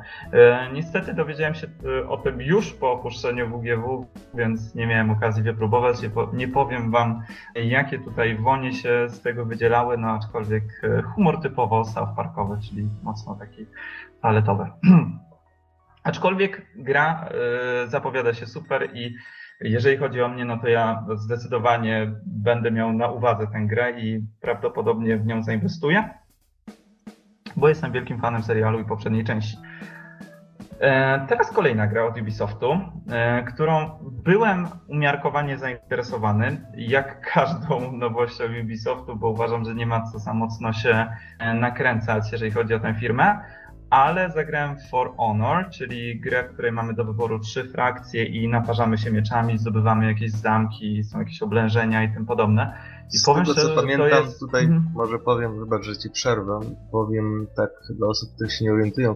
Jeszcze na E3 tegorocznie ta gra była prezentowana i w założeniach teoretycznie jest to coś podobnego do Mountain Blade'a, czyli kontrolujemy e, wojownika, mając przy okazji e, mnóstwo takich jakby minionów, minionków, innych różnych e, pomniejszych rycerzy, którzy całymi masami e, też walczą z armią wroga, ale jakby największym skupieniem w tej grze jest po prostu pojedynkowanie się bronią białą z innym graczem. No właśnie, więc tutaj mamy te pojedynki, sam system walki jest um, całkiem fajny. Polega na tym, że mamy cięcia mocne i słabe, e, które możemy wykonywać na trzech różnych płaszczyznach, czyli albo od góry, albo od lewej, albo od prawej strony. I tak samo możemy się bronić. E, w grze mieliśmy do wyboru nie, krzyżowca, rycerza średniowiecznego i powiem szczerze, że właśnie to, co fajnie wyglądało na trailerach i gameplayach, zdecydowanie przekłada się na samą grę. Czyli bardzo fajnie czuć bohatera. Powiem szczerze, że od y, czasów MGS-a 5 to jest pierwszy raz, kiedy tak dobrze było czuć ciężar y, postaci w grze. E, więc wiadomo, że jak się rozpędzimy w tej ciężkiej zbroi, zamachniemy mieczem, to żeby później odwrócić się w drugą stronę, troszeczkę to potrwa, ale te animacje e, i samych postaci, jakichś tam powiewających peleryn robią na tyle duże wrażenie, że no, tworzy to taki bardzo fajny, spójny obraz. Do tego gra wygląda bardzo ładnie, jest to jedna z ładniejszych gier. E, połyskujące zbroje, tryskająca krew, jakieś walące się mury, więc oczywiście, tak jak mówiłem, jestem umiarkowanie E, optymistycznie nastawiony ze względu na to, że to Ubisoft, ale jeżeli gra będzie na tyle dobra jak to demo, e, to, to zdecydowanie, zdecydowanie warto się tym zainteresować. To jeżeli e, mogę Dobra, jedną no, rzecz... Widzę, że... Je, tak, tak, ja już powolutku tutaj robię poke-poke, żebyśmy kończyli wstęp, e, ale tak jak tylko żeś wspomniał o tym, że to Ubisoft, więc nie ma się czym e, jarać, to tylko powiem, że e, ostatnio Ubisoft zapowiedział, że faktycznie zaczęła się preprodukcja Beyond Good and Evil 2, więc woohoo! Michel Ancel tam jakieś pierwsze koncept arty wrzucił. E, co prawda możecie się zdziwić, że po kilku latach dopiero preprodukcja, ale myślę, że ta gra po prostu była gdzieś tam w śmietniku przez bardzo długi czas. No, ale do tego jeszcze kiedyś wrócimy. to niedawno całkiem zostało powiedziane. No, widzieliśmy też Watch Dogs 2 w akcji na nowym gameplayu, no i tutaj nawet nie chcę za mocno wchodzić w ten temat. Ta gra zupełnie mnie nie interesuje, ale E, w ruchu prezentuje się dokładnie tak samo jak na trailera, czyli sądzę, że tutaj jakiegoś downgrade'u nie będzie e, w ostatecznej wersji. Jest to otwarty świat, mamy do dyspozycji różne gadżety, typu jakieś małe robociki na kółkach, które e, pomagają nam mm, zapoznać się z terenem, czy, czy hakować jakieś urządzenia. Mamy do dyspozycji drony, którymi możemy latać i też szpiegować. Więc jest taki duży nacisk na to hakowanie i na tą taką trochę mm, pokazaną w taki dziwny sposób kulturę hakerską, wiesz, jest jakiś koleś w masce z kolcami, z wyświetlaczem zamiast oczu i tak dalej, więc a, Co? takie to jest... Do ciebie, miałbym do Ciebie jedno pytanko. E, pamiętam e, z recenzji Noca i zresztą z samych materiałów, grze, z którymi się zapoznawałem, że w gruncie rzeczy rozgrywka jedynki to było takie GTA, w którym, którym albo mogliśmy strzelać e, z różnego rodzaju karabinów innych broni i się niczym nie przejmować, albo no, i tam sobie od, od, jakiegoś czasu hakować coś, albo po prostu po prostu trochę więcej czasu skupiać się na, na hakowaniu. Ale o co mi chodzi? O to mi chodzi, że bohater jakby nie był na tyle słaby, żeby, żeby ciągle się ukrywać i hakować, tylko po prostu mógł, e, mógł e, otwarcie walczyć. I pytanie brzmi, czy, czy, w tym, czy jakby z tego co widziałeś, ten bohater wciąż jest takim super bohaterem, który wciąż może walczyć ze wszystkiego i ze wszystkim, czy też może większy nacisk został położony na, na właśnie hakowanie i ukrywanie się, ataki z i jakby stealth. Powiem Ci tak, na samych gameplayach oczywiście skupiałem się na hakowaniu, to jest taki selling point. Ale oczywiście jak wyjdzie w praniu, to zobaczymy. Sądzę, że gra nie będzie za trudna, że to nie będzie na takiej zasadzie, że będziemy padać od jednego strzału czy dwóch. Więc sądzę, że to wszystko będzie wyglądać dosyć podobnie. Tutaj pewnie po prostu chcą dać Ci dodatkowe możliwości. Na zasadzie takiej, że jeżeli chcesz mm, grać w tę grę przy użyciu hakowania, jakiegoś tam kombinowania, to jest to do zrobienia, ale zapewne jeżeli będziesz chciał być Rambo, no to mam wrażenie, że też możesz być. Chociaż na gameplayach tego nie było widać, więc mm, to są tylko takie moje domysły. Zdecydowanie skupili mhm. się na hakowaniu i na przedstawieniu tych nowych mechanik, na zasadzie takiej, że możesz na przykład E, zmienić w kartotece policyjnej czyjeś dane i dopisać, że jest poszukiwany, po czym nagle go zgłosić i przyjeżdża policja i go skuwa i zabierają, albo go albo strzelają do niego. Więc Ale to jest, taki, to jest taki swatting. No wiesz, to, to było pokazane właśnie na przy, przykładzie jakiegoś tam takiego, wiesz, grajka ulicznego, który siedział i sobie grał spokojnie, ludzie mu tam wrzucali, wiesz, dolary. Można było po prostu sakować jego informacje, dorzucić, że jest poszukiwany za coś i po chwili pojawiła się policja i, e, i go no zabrali z sobą. Więc wiesz, e, zapewne możesz sobie tam jakoś kombinować, wiesz, samochody jakoś hakować, żeby same jeździły czy skręcały w odpowiednie miejsca. E, więc e, wydaje mi się, że względem jedynki idzie to w dobrym kierunku. Samo to miasto też prezentuje się dużo ciekawiej, nie jest już takie szare i brzydkie, szczególnie jak w ostatecznej wersji gry. E, graficznie to też nie robiło żadnego super wrażenia, więc takie, takie nieciekawe było to miasto. Teraz jest ono takie żywe, kolorowe, trochę tak jak GTA 5 powiedzmy. Więc e, wydaje mi się, że to idzie w dobrym kierunku. No ale tak jak mówię, to jest Ubisoft, więc zdecydowanie nie zachęcam tutaj do żadnego e, przedpremierowego zamawiania gry czy, czy coś w tym rodzaju. Po prostu jeżeli kogoś interesują gry z otwartym światem albo podobał się chociaż trochę Watch Dogs 1, no to wiadomo, że można się zainteresować. Ja raczej, raczej sobie odpuszczę tę grę. No i co? Proponuję w takim razie, żeby jeszcze zakończyć dwoma zdaniami tę relację, żeby już dłużej nie przeciągać. Trochę i tak nam to chyba wyszło mm, dłuższe niż zakładaliśmy początkowo. Zresztą jak, A, to jak, jak, jak, za starych dobrych czasów, ale słuchajcie, jesteśmy usprawiedliwieni. Przez dwa miesiące nie mieliśmy okazji się wygadać.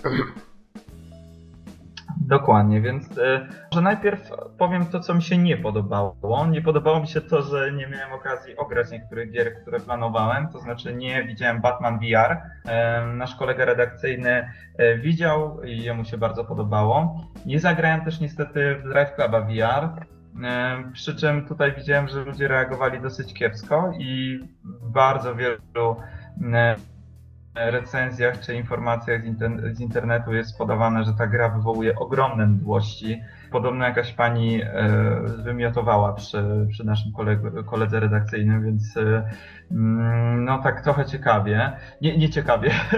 ciekawie. Zależy jakieś mam jest... Zależy, Zależy czy, co kogo kręci, może tak. No, dokładnie tak, dokładnie tak. Mm, e, Trochę, trochę jestem zawiedziony i Sony i Microsoftem częściowo. To znaczy, e, Sony nawaliło pod tym względem, że w sumie było bardzo mało japońskich gier. Widziałem, że było kilka stanowisk jeszcze z Gravity Rush 2 i dosłownie może ze dwie minuty pograłem tylko i wyłącznie po to, żeby zobaczyć, czy gra się to podobnie jak w jedynkę. E, chcę na takim kompletnym blackoutie wejść do drugiej części i rzeczywiście gra się podobnie. No i fajnie, że to było. No ale zabrakło na przykład chociażby jakiejś prezentacji. God War, Detroit Become Human, ani słowa o The Last Guardian.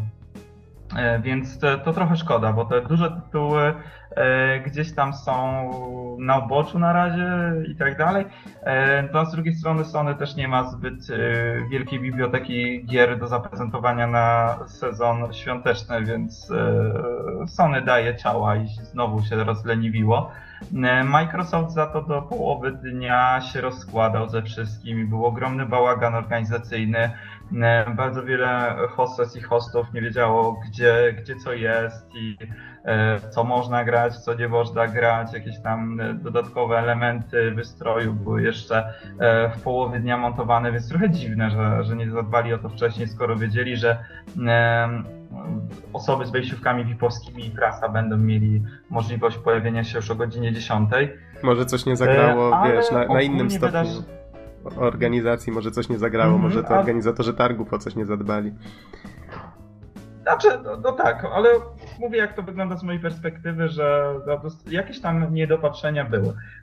Ja, jeżeli chodzi o tego typu targi, no to porównanie mam tylko tak naprawdę do Gamescomu i powiem szczerze, że to WGW naprawdę wypada nieźle. Tak jak z wieloma osobami rozmawiałem, to raczej spodziewali się, że będzie tak, że będę bardzo mocno krytykował to WGW względem Gamescomu, a tak naprawdę uważam, że pod wieloma względami jest dużo fajniejsze od Gamescomu. Przede wszystkim chodzi o ilość ludzi i o to, że nie trzeba stać w, kolej, w kolejkach, nie jest to wszystko takie męczące, mm, że jest dużo więcej przestrzeni wolnej. A w gry i tak różne nowości mogliśmy pograć. Zabrakło oczywiście Nintendo, no ale Nintendo nic do zaoferowania praktycznie w e, tym okresie wakacyjnym. Oni się skupiają na swojej nowej konsoli, o której już dzisiaj wspominaliśmy, e, więc nie było żadnych gier od Nintendo ale generalnie jestem naprawdę bardzo pozytywnie zaskoczony całą organizacją tego, możliwością pogrania wiele gier, tym jak dużo miejsca było i, i jak ciekawie to wszystko było zaprezentowane. E, więc e, ogólnie jak najbardziej na plus. Do tego było bardzo dużo food trucków, więc każdy mógł sobie coś tam do jedzenia czy do picia e, wziąć, na co miał potrzebę. Mm, więc powiem szczerze, że wypada, wypada to naprawdę fajnie. No jeżeli będzie w przyszłym roku kolejna trzecia edycja, to, to na pewno się wybiorę. Mm-hmm. No, brzmi całkiem fajnie. Szkoda, że nas nie ma teraz na PGA, bo mielibyśmy fajne porównanie, co nie? No, ale kto no wie, dokładnie. Może... Warto, warto wspomnieć o tym, że jeszcze było bardzo dużo konkursów. Była główna mm -hmm. scena, e, na której były jakieś e, e konkursy multi-uncharted, był nawet turniej Crash Team Racing, w którym można było wygrać PlayStation VR, e, więc e, było bardzo dużo dodatkowych wydarzeń, którymi ja przeważnie się nie interesuję, jakieś giveawaye, jakieś właśnie takie um, drobne quizy czy konkursy. Ja generalnie omijam tego typu miejsca, ale tego też było bardzo dużo, więc uważam, że wyszło naprawdę, naprawdę dobrze. No i kto nie był, niech żałuje. No a jeżeli będzie okazja w przyszłym roku, to zdecydowanie warto sobie to w kalendarzu zaznaczyć, e, że, że, że trzeba. Mhm. Super, super. W takim razie dzięki Ci, Surfer, wielkie za relację. A my zapraszamy teraz na dwie recenzje, czyli na recenzję Tales of Zestiria i na recenzję Wiedźmin 3 Krew i Wino.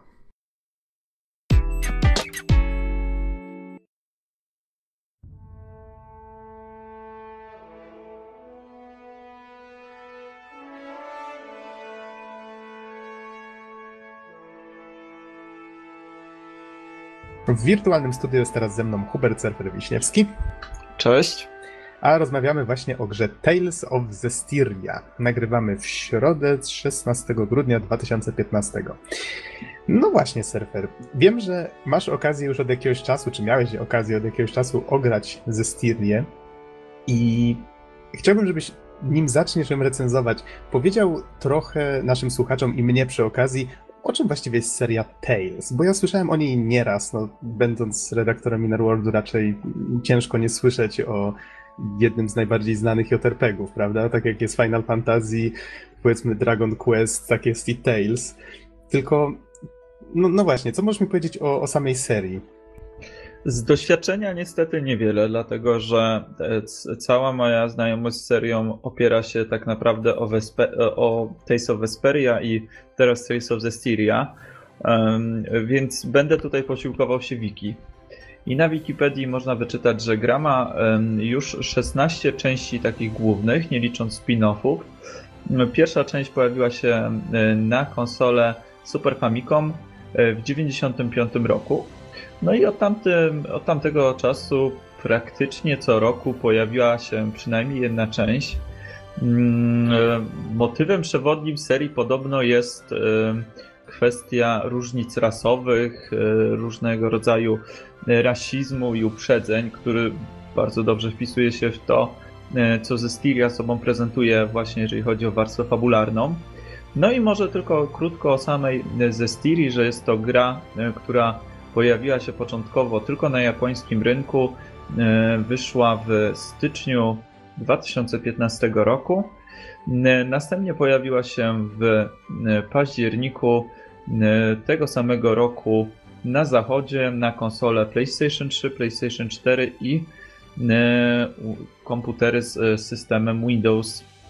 Więc wreszcie ludzie na zachodzie mieli okazję zagrać w Talesy po angielsku w Tales of Styria. No i e, to jest w sumie taki krótki wstęp, jeżeli chodzi o samą serię. Mhm. A powiedz mi, wspomniałeś, że grałeś w jakieś inne części, czyli teraz to jest Tales of Styria z tego roku, a poprzednia w jaką grałeś to jaka była? Xilia? Tales of Vesperia. E, I już ci mówię, to jest gra z 2008. 2008. Z 2008 roku, to jest ten powiedzmy początek e, generacji, zeszłej generacji, jeszcze na Xboxie 360 to grałem, gdzie Xbox 360 wtedy miał bardzo dużo japońskich RPGów względem PlayStation 3. E, więc też to był jeden z takich pierwszych JRPGów na poprzedniej generacji. No i e, pokazywałem Ci nawet tuż przed nagraniem, żebyś sobie zobaczył, jak wyglądał gameplay na przykład Vesperii i gra prezentuje się przepięknie. E, gra wyglądała naprawdę niesamowicie jak na swoje lata. Mm, jest e, takim motywem przewodnim oczywiście całej serii jest to, że jest taka stylistyka bardzo mocno anime, jest masa tych stawek jak właśnie wyjętych żywcem z anime, więc cała ta stylistyka jest naprawdę przepiękna. Czyli mm. cutscenki są ręcznie malowane, rysowane, tak? Mm -hmm, mm -hmm, tak. Więc e, oczywiście większość jest na silniku gry, prawda? Ale jeżeli są jakieś takie przerywniki filmowe, to one są zawsze e, ręcznie, ręcznie malowane. Więc stylistycznie zawsze ta gra zachwycała. E, naprawdę momentami e, ciężko było aż nie wciągnąć się w ten świat. E, był taki mega miodny, z bardzo fajną muzyką i tak dalej. No ale niestety tutaj już w recenzji na Innerworldzie praktycznie na samym wstępie zaznaczyłem w recenzji Taste of the Styria, czyli tej gry, o której dzisiaj będziemy więcej rozmawiać, że wielkim fanem cyklu nie jestem, ze względu na to, że to są wszystko takie sztampy. Postacie bardzo sztampowe, wyjęte żywcem z jakichś takich prostych anime, nie mające żadnej jakiejś większej głębi. E, do tego sam system walki nigdy nie był dla mnie jakoś e, mm, bardzo wybitny, taki, taki mocno maszerski. Miałem wrażenie, że nie, nie ma za mocno tutaj e, nad czym rozmyślać, grając tę grę. Zawsze jednak wolałem systemy walki trochę bardziej mm, stonowane pokroju mm, Final Fantasy mm, tych starszych części, powiedzmy do dziesiątki, czy nawet dwunastki, która miała troszeczkę bardziej dynamiczny ten system walki, ale nadal wydaje mi się mocno strategiczny względem te, serii Tales of. Więc od Vesperii niestety się odbiłem. Yy, no i tutaj yy, pierwsze, o czym właśnie napisałem, to co, czym się różni ta y, Taste of Styria względem na przykład Vesperii na pierwszy rzut oka, czyli oprawą graficzną, y, gdzie seria Tales of zawsze y, w tym względzie była taka super na najwyższym poziomie. Tak, Styria niestety wygląda dosyć słabo. Widać, że tutaj chyba ta gra nie jest aż tak wysoko budżetowa jak niektóre poprzednie części. Jest taka bardziej szara, pusta i, i, i trochę nijaka. Widać te powtarzalne tekstury, elementy otoczenia, postaci. Do tego sam e, motyw e, otwartego świata, który pojawił się właśnie po raz pierwszy w serii, wyszedł trochę, trochę na dobre, a trochę na złe. Na przykład. To jeżeli mogę się mhm. wtrącić, ja patrzę właśnie w tej chwili na, na screeny ze Stili i tak mówisz o tym otwartym świecie i ja widzę na tych screenach, owszem, olbrzymie polany zielone, ale to wszystko wydaje się takie puste. Bo to nie, wiem, czy... to nie, nie, wydaje się puste, to jest puste w większości przypadków. Aha, okay. Więc e, jeżeli ktoś e, naprawdę nie znosi gier mm, z otwartym światem, to wydaje mi się, że się odbija. Ja wielkim fanem też e, nie jestem bardzo sandboxowych gier, do tego nie uważam, że jest sens zawsze wpychać ten otwarty świat, co nie wiem, w ostatnich latach mam wrażenie, że jest taki trend, że wszystko musi mieć ogromny świat, żeby można było się pochwalić podczas prezentacji gry, że nie wiem, w 10 godzin będzie przechodził z jednego końca na drugi. Z tym, że nie zawsze jest sens to robić i w Zestiri mam wrażenie, że mimo wszystko mm, to wywołało więcej wad niż zalet. Mm, wad jest kilka. Przede wszystkim ten świat jest pusty, tak jak wspomnieliśmy.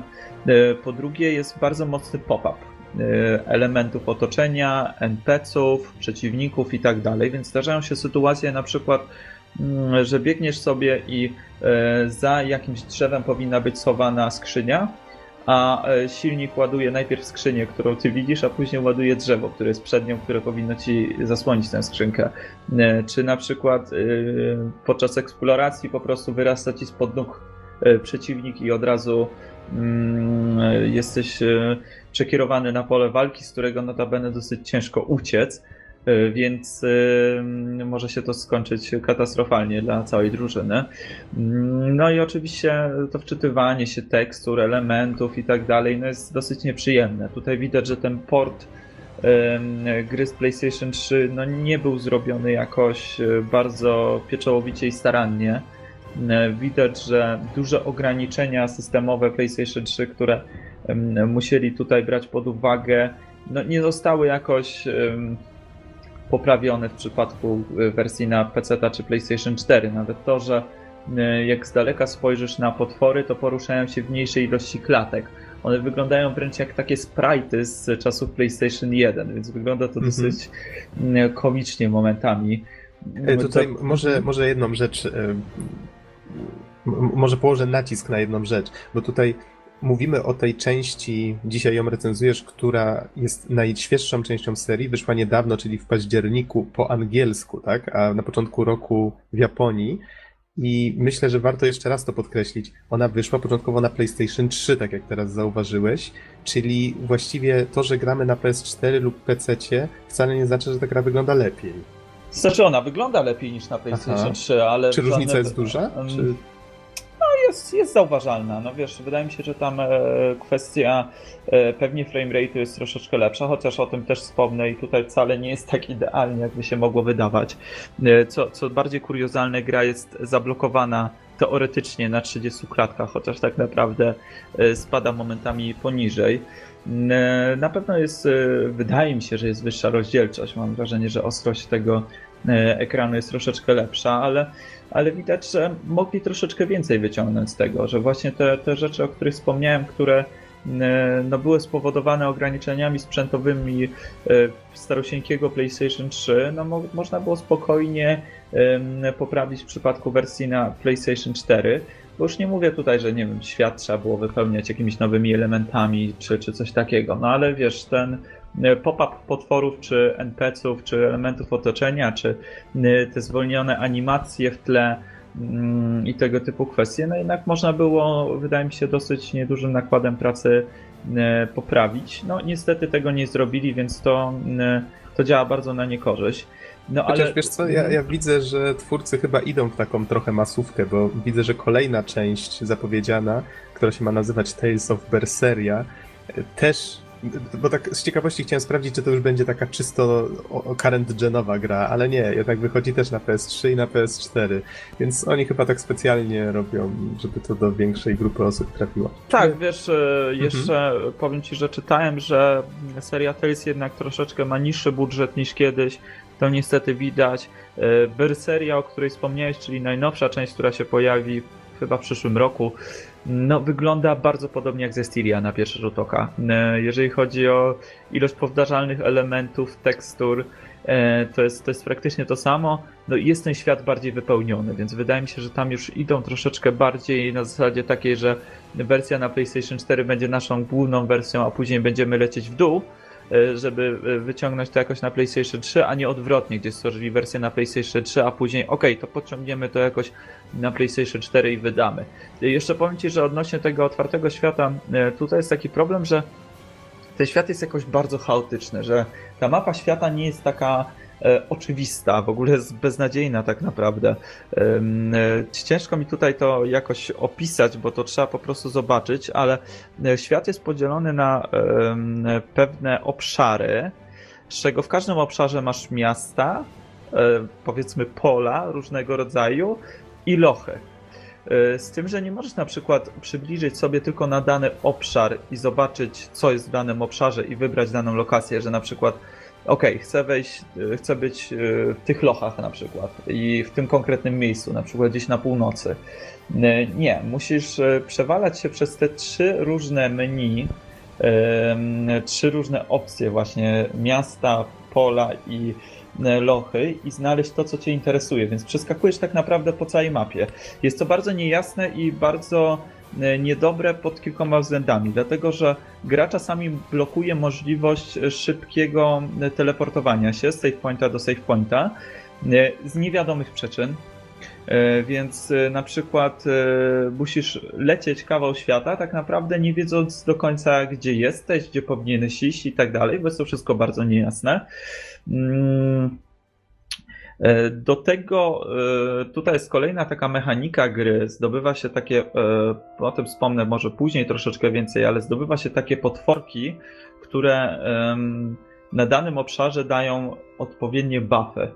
I te buffy działają tylko na danym obszarze, można je expić, zdobywać poziomy i tak dalej, żeby te dodatkowe umiejętności pasywne były mocniejsze ale też do końca nigdy nie masz takiego rozgraniczenia, y, na którym obszarze ty tak naprawdę jesteś i na którym obszarze y, jaki buff działa. Ja się w tym bardzo gubiłem i powiem ci, że po około 50 godzinach gry już po prostu w tym momencie miałem to kompletnie gdzieś, dałem sobie z tym spokój, bo mm, jest to piekielnie chaotyczne, jest to naprawdę w dziwny sposób zrobione, więc wydaje mi się, że gdyby było mniej lokacji, na przykład połowa tego, co jest, jeżeli chodzi o wielkość, ale każda w jakiś sposób była inna od innych, to wtedy miałoby to większy sens.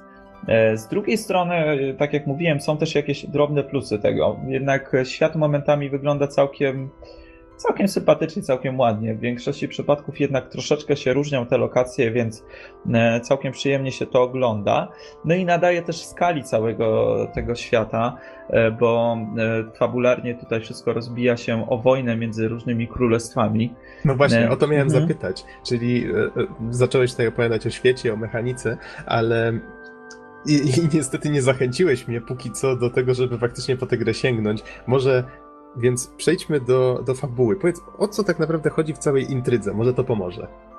E, dobrze, więc e, może najpierw taki drobny background, że o, o, co chodzi w całym świecie. Tak jak już wspominaliśmy, Teria Tales e, bardzo często porusza tematy koegzystencji różnych ras i tutaj jest podobnie.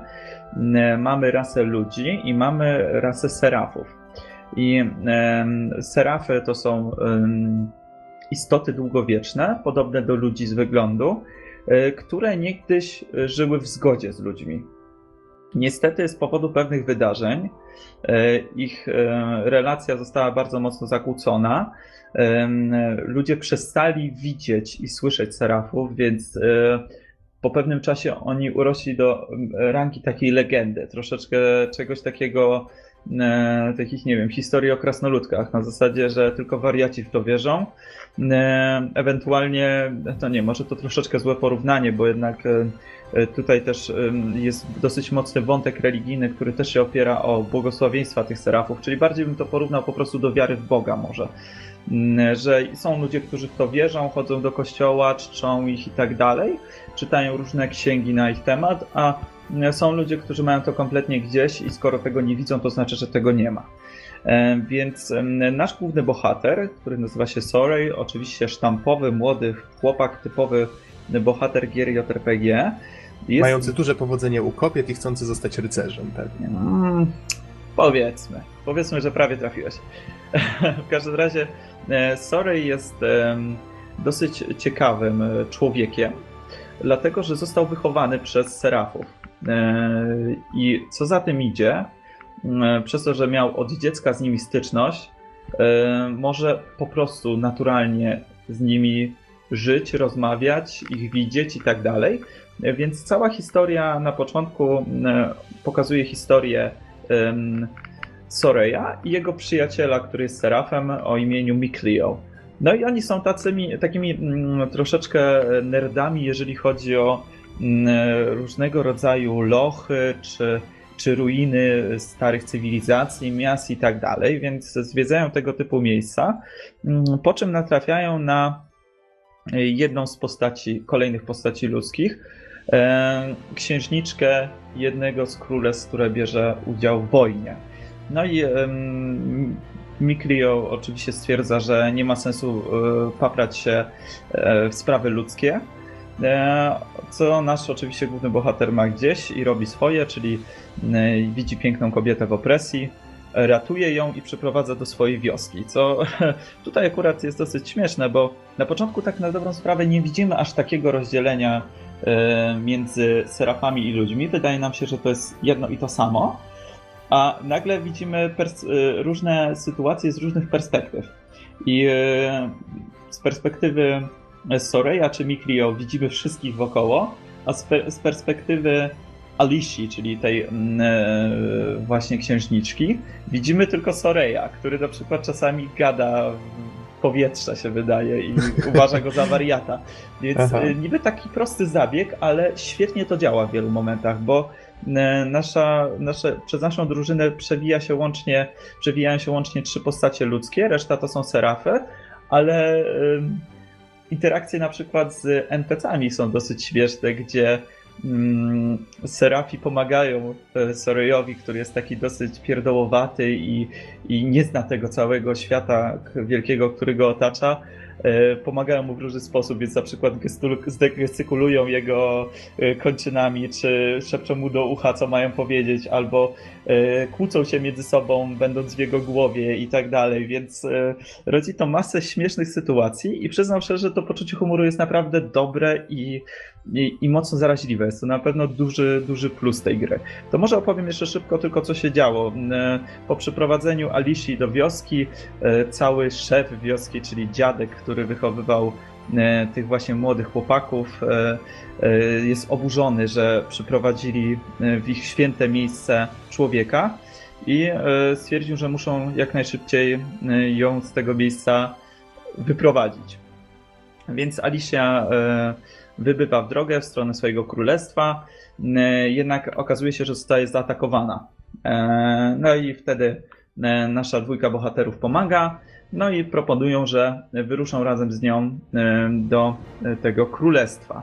No i tam już oczywiście się zaczyna intryga e, związana ze sprawami politycznymi, troszeczkę religią w tle, do tego kwestią takich różnych złych cech ludzi, nawet takich e, zwykłych obywateli, takiej wrogości, to się nazywa malevolence w całej grze, jest o tym bardzo dużo, którą da się wyczuć wręcz w powietrzu, że jak przychodzi się do nowego miasta, to to miasto przeważnie jest takie szare, latają takie mm, jakby fioletowe mm, no nie wiem jak to nazwać, e, taka fioletowa poświata jest wszędzie i taka wroga muzyka i tak dalej. No i musimy też pomóc w tego typu sytuacjach, właśnie odzyskać błogosławieństwo przy pomocy innych serafów i tak dalej.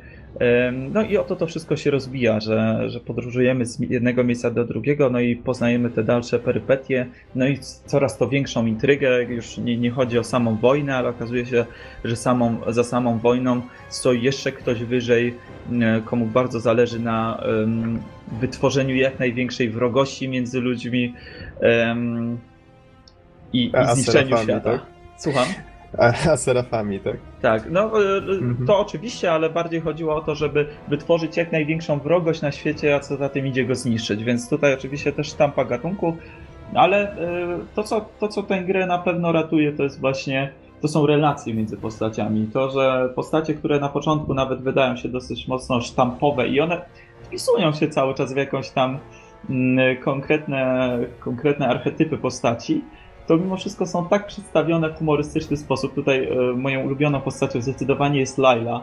E, jest to e, mm, serap, którego zdobywamy jako pierwsze poza, poza dwójką głównych bohaterów.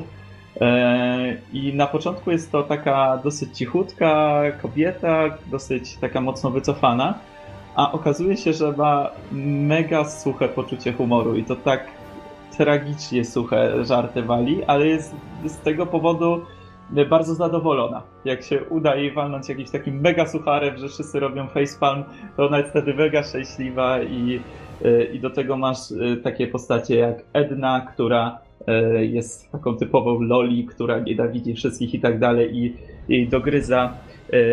I to tworzy bardzo ciekawe, fajne relacje między nimi.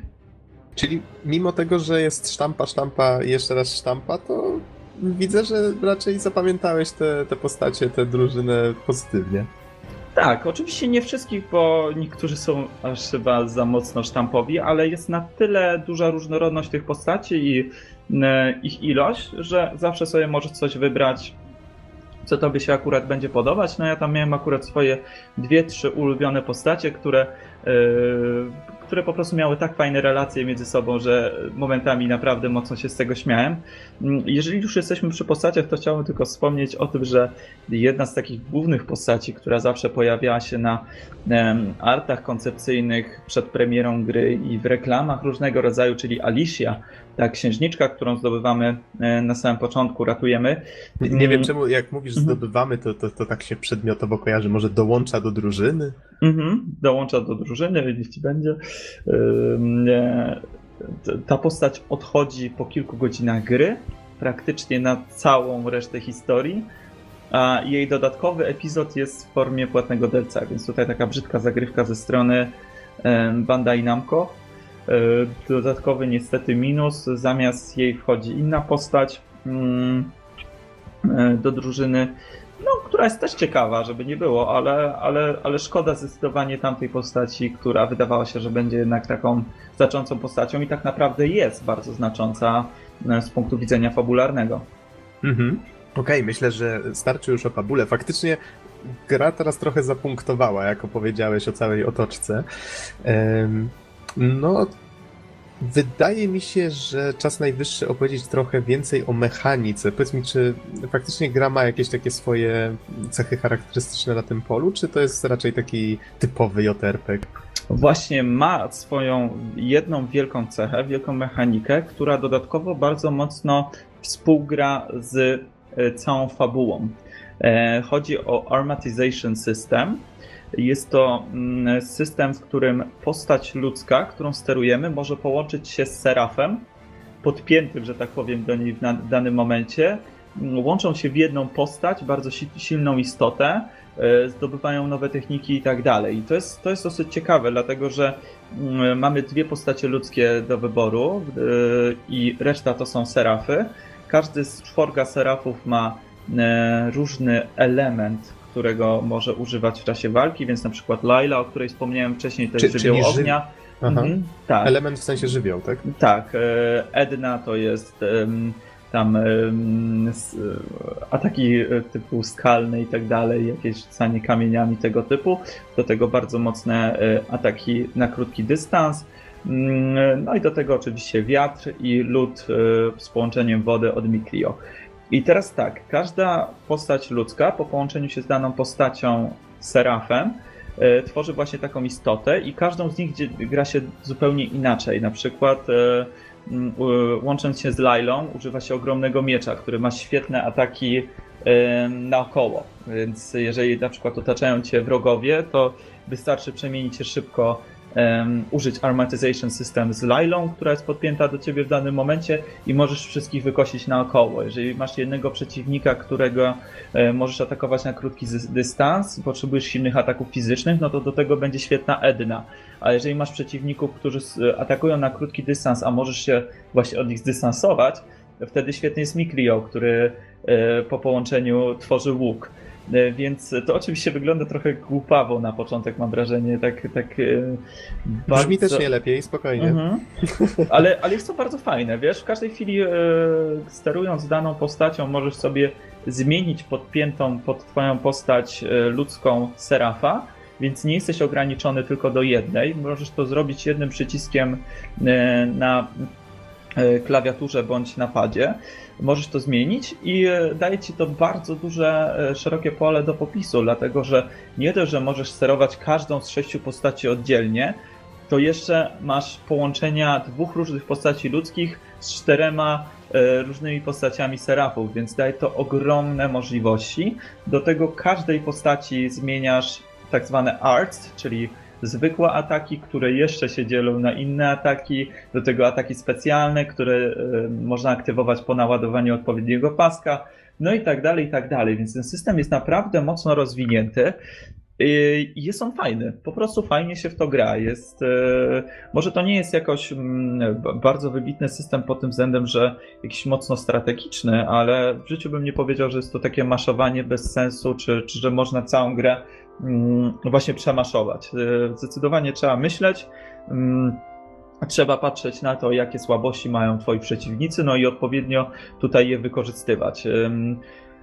Do tego, jeżeli chodzi o system rozwoju postaci, tutaj jest dosyć e, specyficzne rozwiązanie, bo e, postacie levelują w normalny sposób, tak jak w grach, ale nie zwiększa im się HP. E, HP zdobywa się poprzez zbieranie odpowiednich sfer wypadających z bossów, z dodatkowych przeciwników silnych i tak.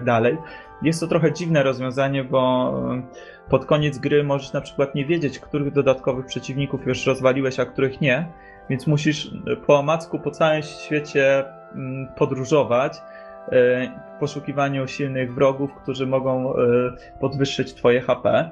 Za żeby, to... żeby nie być super specjalistą na setnym levelu, który jest na jednego hita dla wszystkich. Mhm, dokładnie oh, tak. Gosh.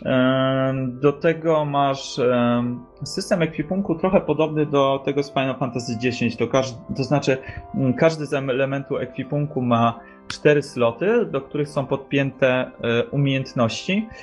I e, gra bardzo mocno e, wmusza w ciebie używanie systemu syntezy przedmiotów, czyli jeżeli masz dwa przedmioty o takiej samej nazwie, to możesz iść do sklepu bądź użyć odpowiedniej umiejętności i stworzyć jeden silniejszy, który będzie miał połączenie danych e, skilli.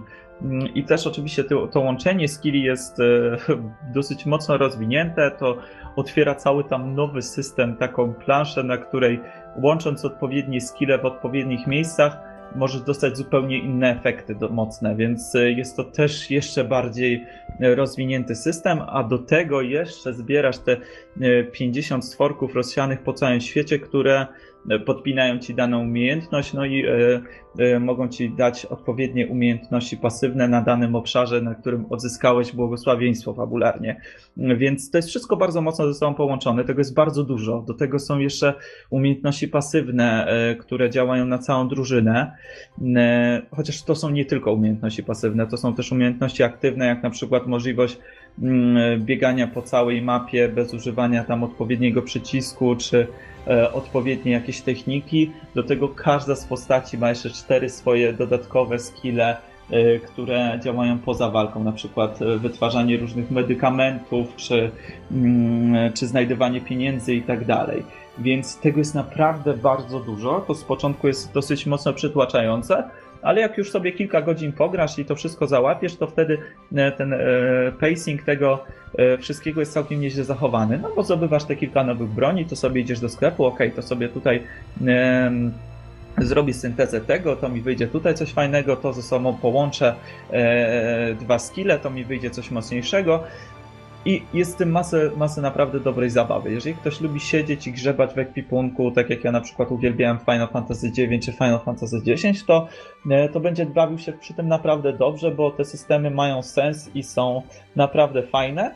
Z drugiej strony mam wrażenie, że już powyżej tak 40-50 godzin to chyba jacyś tylko największy zapaleńcy jeszcze na pewne rzeczy patrzą, bo E, ja przyznam szczerze, że przez ostatnie 10 godzin gry już tylko patrzyłem na to, które na ten moment najmocniejsze daje mi statystyki dany ekwipunek i miałem kompletnie gdzieś, czy te e, umiejętności pasywne ze sobą się parują, czy nie. Więc no tak to wygląda. Może troszeczkę przekombinowane momentami, ale tak naprawdę e, wyszło całkiem nieźle. Mhm. To skoro już zacząłeś mówić o czasie, po ilu godzinach ukończyłeś grę? Powiem Ci, że nie jestem pewien. Wydaje mi się, że po 50 paru godzinach, niestety w tym momencie nie mam jak tego sprawdzić.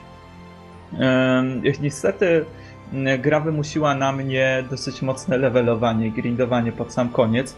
W ogóle gra ma takie bardzo irytujące difficulty spike'i. E, czyli, że sobie przechodzisz wszystko jak należy, że w sumie nie musisz expić, dochodzisz do wroga, e, czy tam bossa i jest wszystko w porządku, po czym nagle się okazuje, że jest jakiś boss fabularny, który cię kosi na dwa strzały. I wtedy jest takie, okej, okay, czy ja coś robię źle, czy ja jestem za niski levelem. I nagle się okazuje, że ludzie na tym poziomie, na, w tym miejscu mają 40 leveli więcej niż ja. Jest takie, okej, okay, to chyba coś coś zrobiłem nie tak. I powiem Ci, że były dwa momenty takie, no jeden udało mi się jakoś przebrnąć, używając e, straszną ilość różnych przedmiotów i maksymalnie kombinując i licząc na szczęście udało mi się pokonać, ale ostatnia walka w grze jest takim difficulty spike'iem, że jeżeli nie zrobisz odpowiedniego e, tak zwanego DPS, czyli damage per second, odpowiednich e, obrażeń na sekundę, to po prostu zginiesz. Mm, jest taki timer i jeżeli nie uda ci się tego zrobić e, na czas, odpowiednich obrażeń zadać, to po prostu cała drużyna ginie.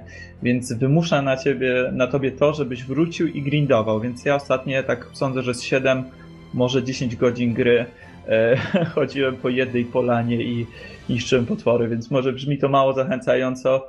No i jest to oczywiście taka brzydka zagrywka z ich strony. No ale ale generalnie cała gra się trzyma kupy, jeżeli o to chodzi. Nie, nie, nie ma tego za dużo i nie jest aż takie złe. A biorąc pod uwagę, że e, w prawie każdym RPG-u trafi się jakaś taka walka, która nagle się okazuje bardzo trudna względem innych, no to można na to przymknąć oko. Wiesz, nawet w dodatku do Wiedźmina, który tak bardzo ubóstwiam, pierwsza walka jest tak mega trudna, że musiałem poziom trudności zmniejszyć tylko i wyłącznie do tej walki.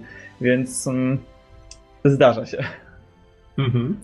No ale niestety tak słucham i słucham i mam wrażenie, że nie jest to chyba gra dla osób, które które mają mało czasu na gry, niestety.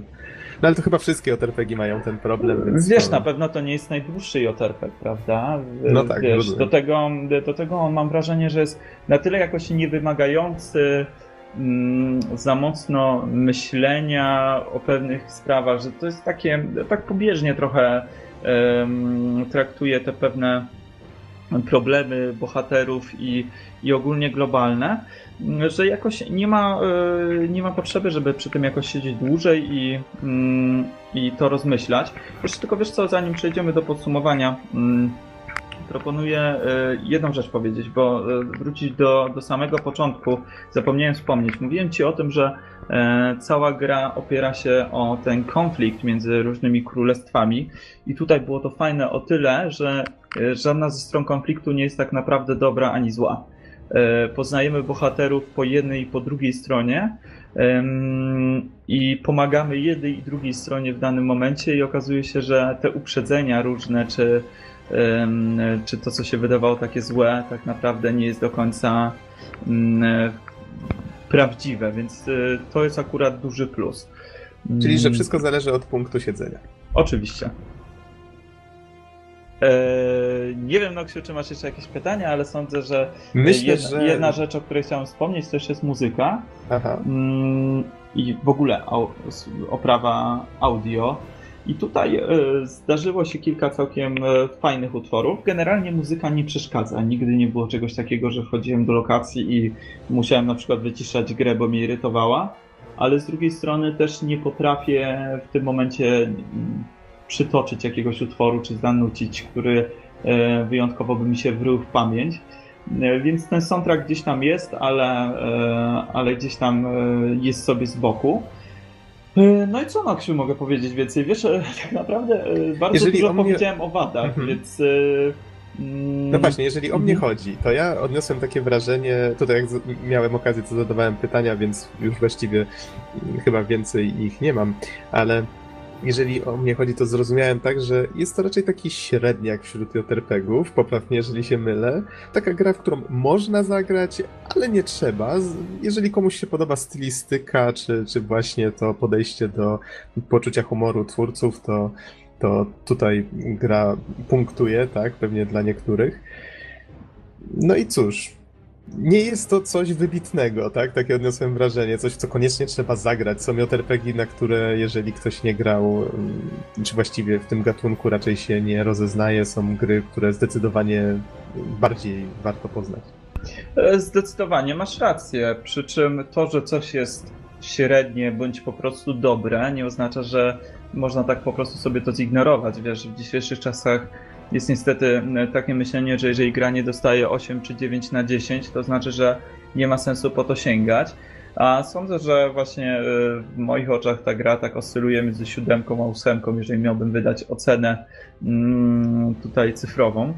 Mm-hmm. Ale to... wiesz, to jest najlepsze, bo mm-hmm. ta gra ma tak dużo wad. Zobaczcie, jak dużo tak naprawdę czasu spędziłem o tym, gdzie mówiłem ci, że coś nie działa, coś jest źle zrobione, że ten system walki nawet czasami jest monotonny, że E, fabuła niczym nie zachwyca, że postacie momentami są bardzo płytkie i takie sztampowe. A mimo to jakoś świetnie się przy tym bawiłem i nawet ciężko mi powiedzieć, e, co tak naprawdę w tej grze mnie zatrzymało poza, poza humorem i, i jakąś tam chęcią poznania dalszej tej historii. To po prostu siadałem do tego wieczorami i się dobrze bawiłem. Kilka godzin takiego guilty pleasure, gdzie nie wymagało to ode mnie jakoś bardzo dużo myślenia, no i wiesz, z drugiej strony też e, po mojej... miałem, po... miałem teraz déjà vu po tym, co powiedziałeś e, w mojej recenzji Drakengard trójki. Guilty pleasure, tak, siadam, nie myślę, siekam i poznaję to, co się dzieje dalej i sucharowy humor. Mhm, wiesz, e, powiem ci, że... Mm, dla mnie to było dosyć duże zaskoczenie, bo tak jak wspominaliśmy na początku o Vesperii, no, to, to, to był dla mnie duży zawód. Spodziewałem się naprawdę mm, czegoś fajnego, właśnie patrząc na postacie, stylistykę e, i cały ten kolorowy, fajny świat. A tutaj było odwrotnie. Tutaj ten świat jest brzydki i szary na początku i stwierdziłem, że ojejku, co ja się wkopałem e, starając się zrecenzować tę grę. Przecież to będzie mordęga na miarę Type Zero w tym roku. I nagle się okazało, że dostałem grę całkiem niezłą, że jest to gra, którą spokojnie tam e, za połowę ceny można, można według mnie kupić. No i co? To chyba tyle. No, jeszcze mogę tylko wspomnieć na koniec, że pełną recenzję tekstową znajdziecie niedługo na Innerworldzie. Ona już y, jest i czeka na publikację. Do tego grę w wersji na konsolę PlayStation 4 udostępniła nam Cenega, za co oczywiście bardzo dziękujemy, bo e, dzięki nim właśnie mogę sobie porozmawiać o, o tej grze. Y, no i co mogę powiedzieć? Przy tych wszystkich wadach, które wymieniłem i tych wszystkich niedociągnięciach, mimo wszystko fanom e, gatunku JRPG czy fanom gier action RPG naprawdę polecam, bo, bo to była po prostu fajna, przyjemna gra. Nie jakaś wybitna, ta gra mnie nie odmieni, praktycznie już o niej zapomniałem, ale nie mogę powiedzieć, żeby to było zmarnowany, zmarnowany czas. I powiem Aha. Ci jeszcze jedną rzecz, że po prostu ta gra mnie przekonała do serii troszeczkę, więc już y, bardziej interesuję się tą nową częścią Tales of Berseria. E, Sam będę ciekaw, co z tego wyjdzie i na pewno bardzo chętnie zagram. Mhm. Okej, ja już nie mam więcej pytań, więc dzięki Ci Surfer wielkie za recenzję i myślę, że to już wszystko na temat Tales of Zestiria w tym odcinku. Dziękuję również i do usłyszenia.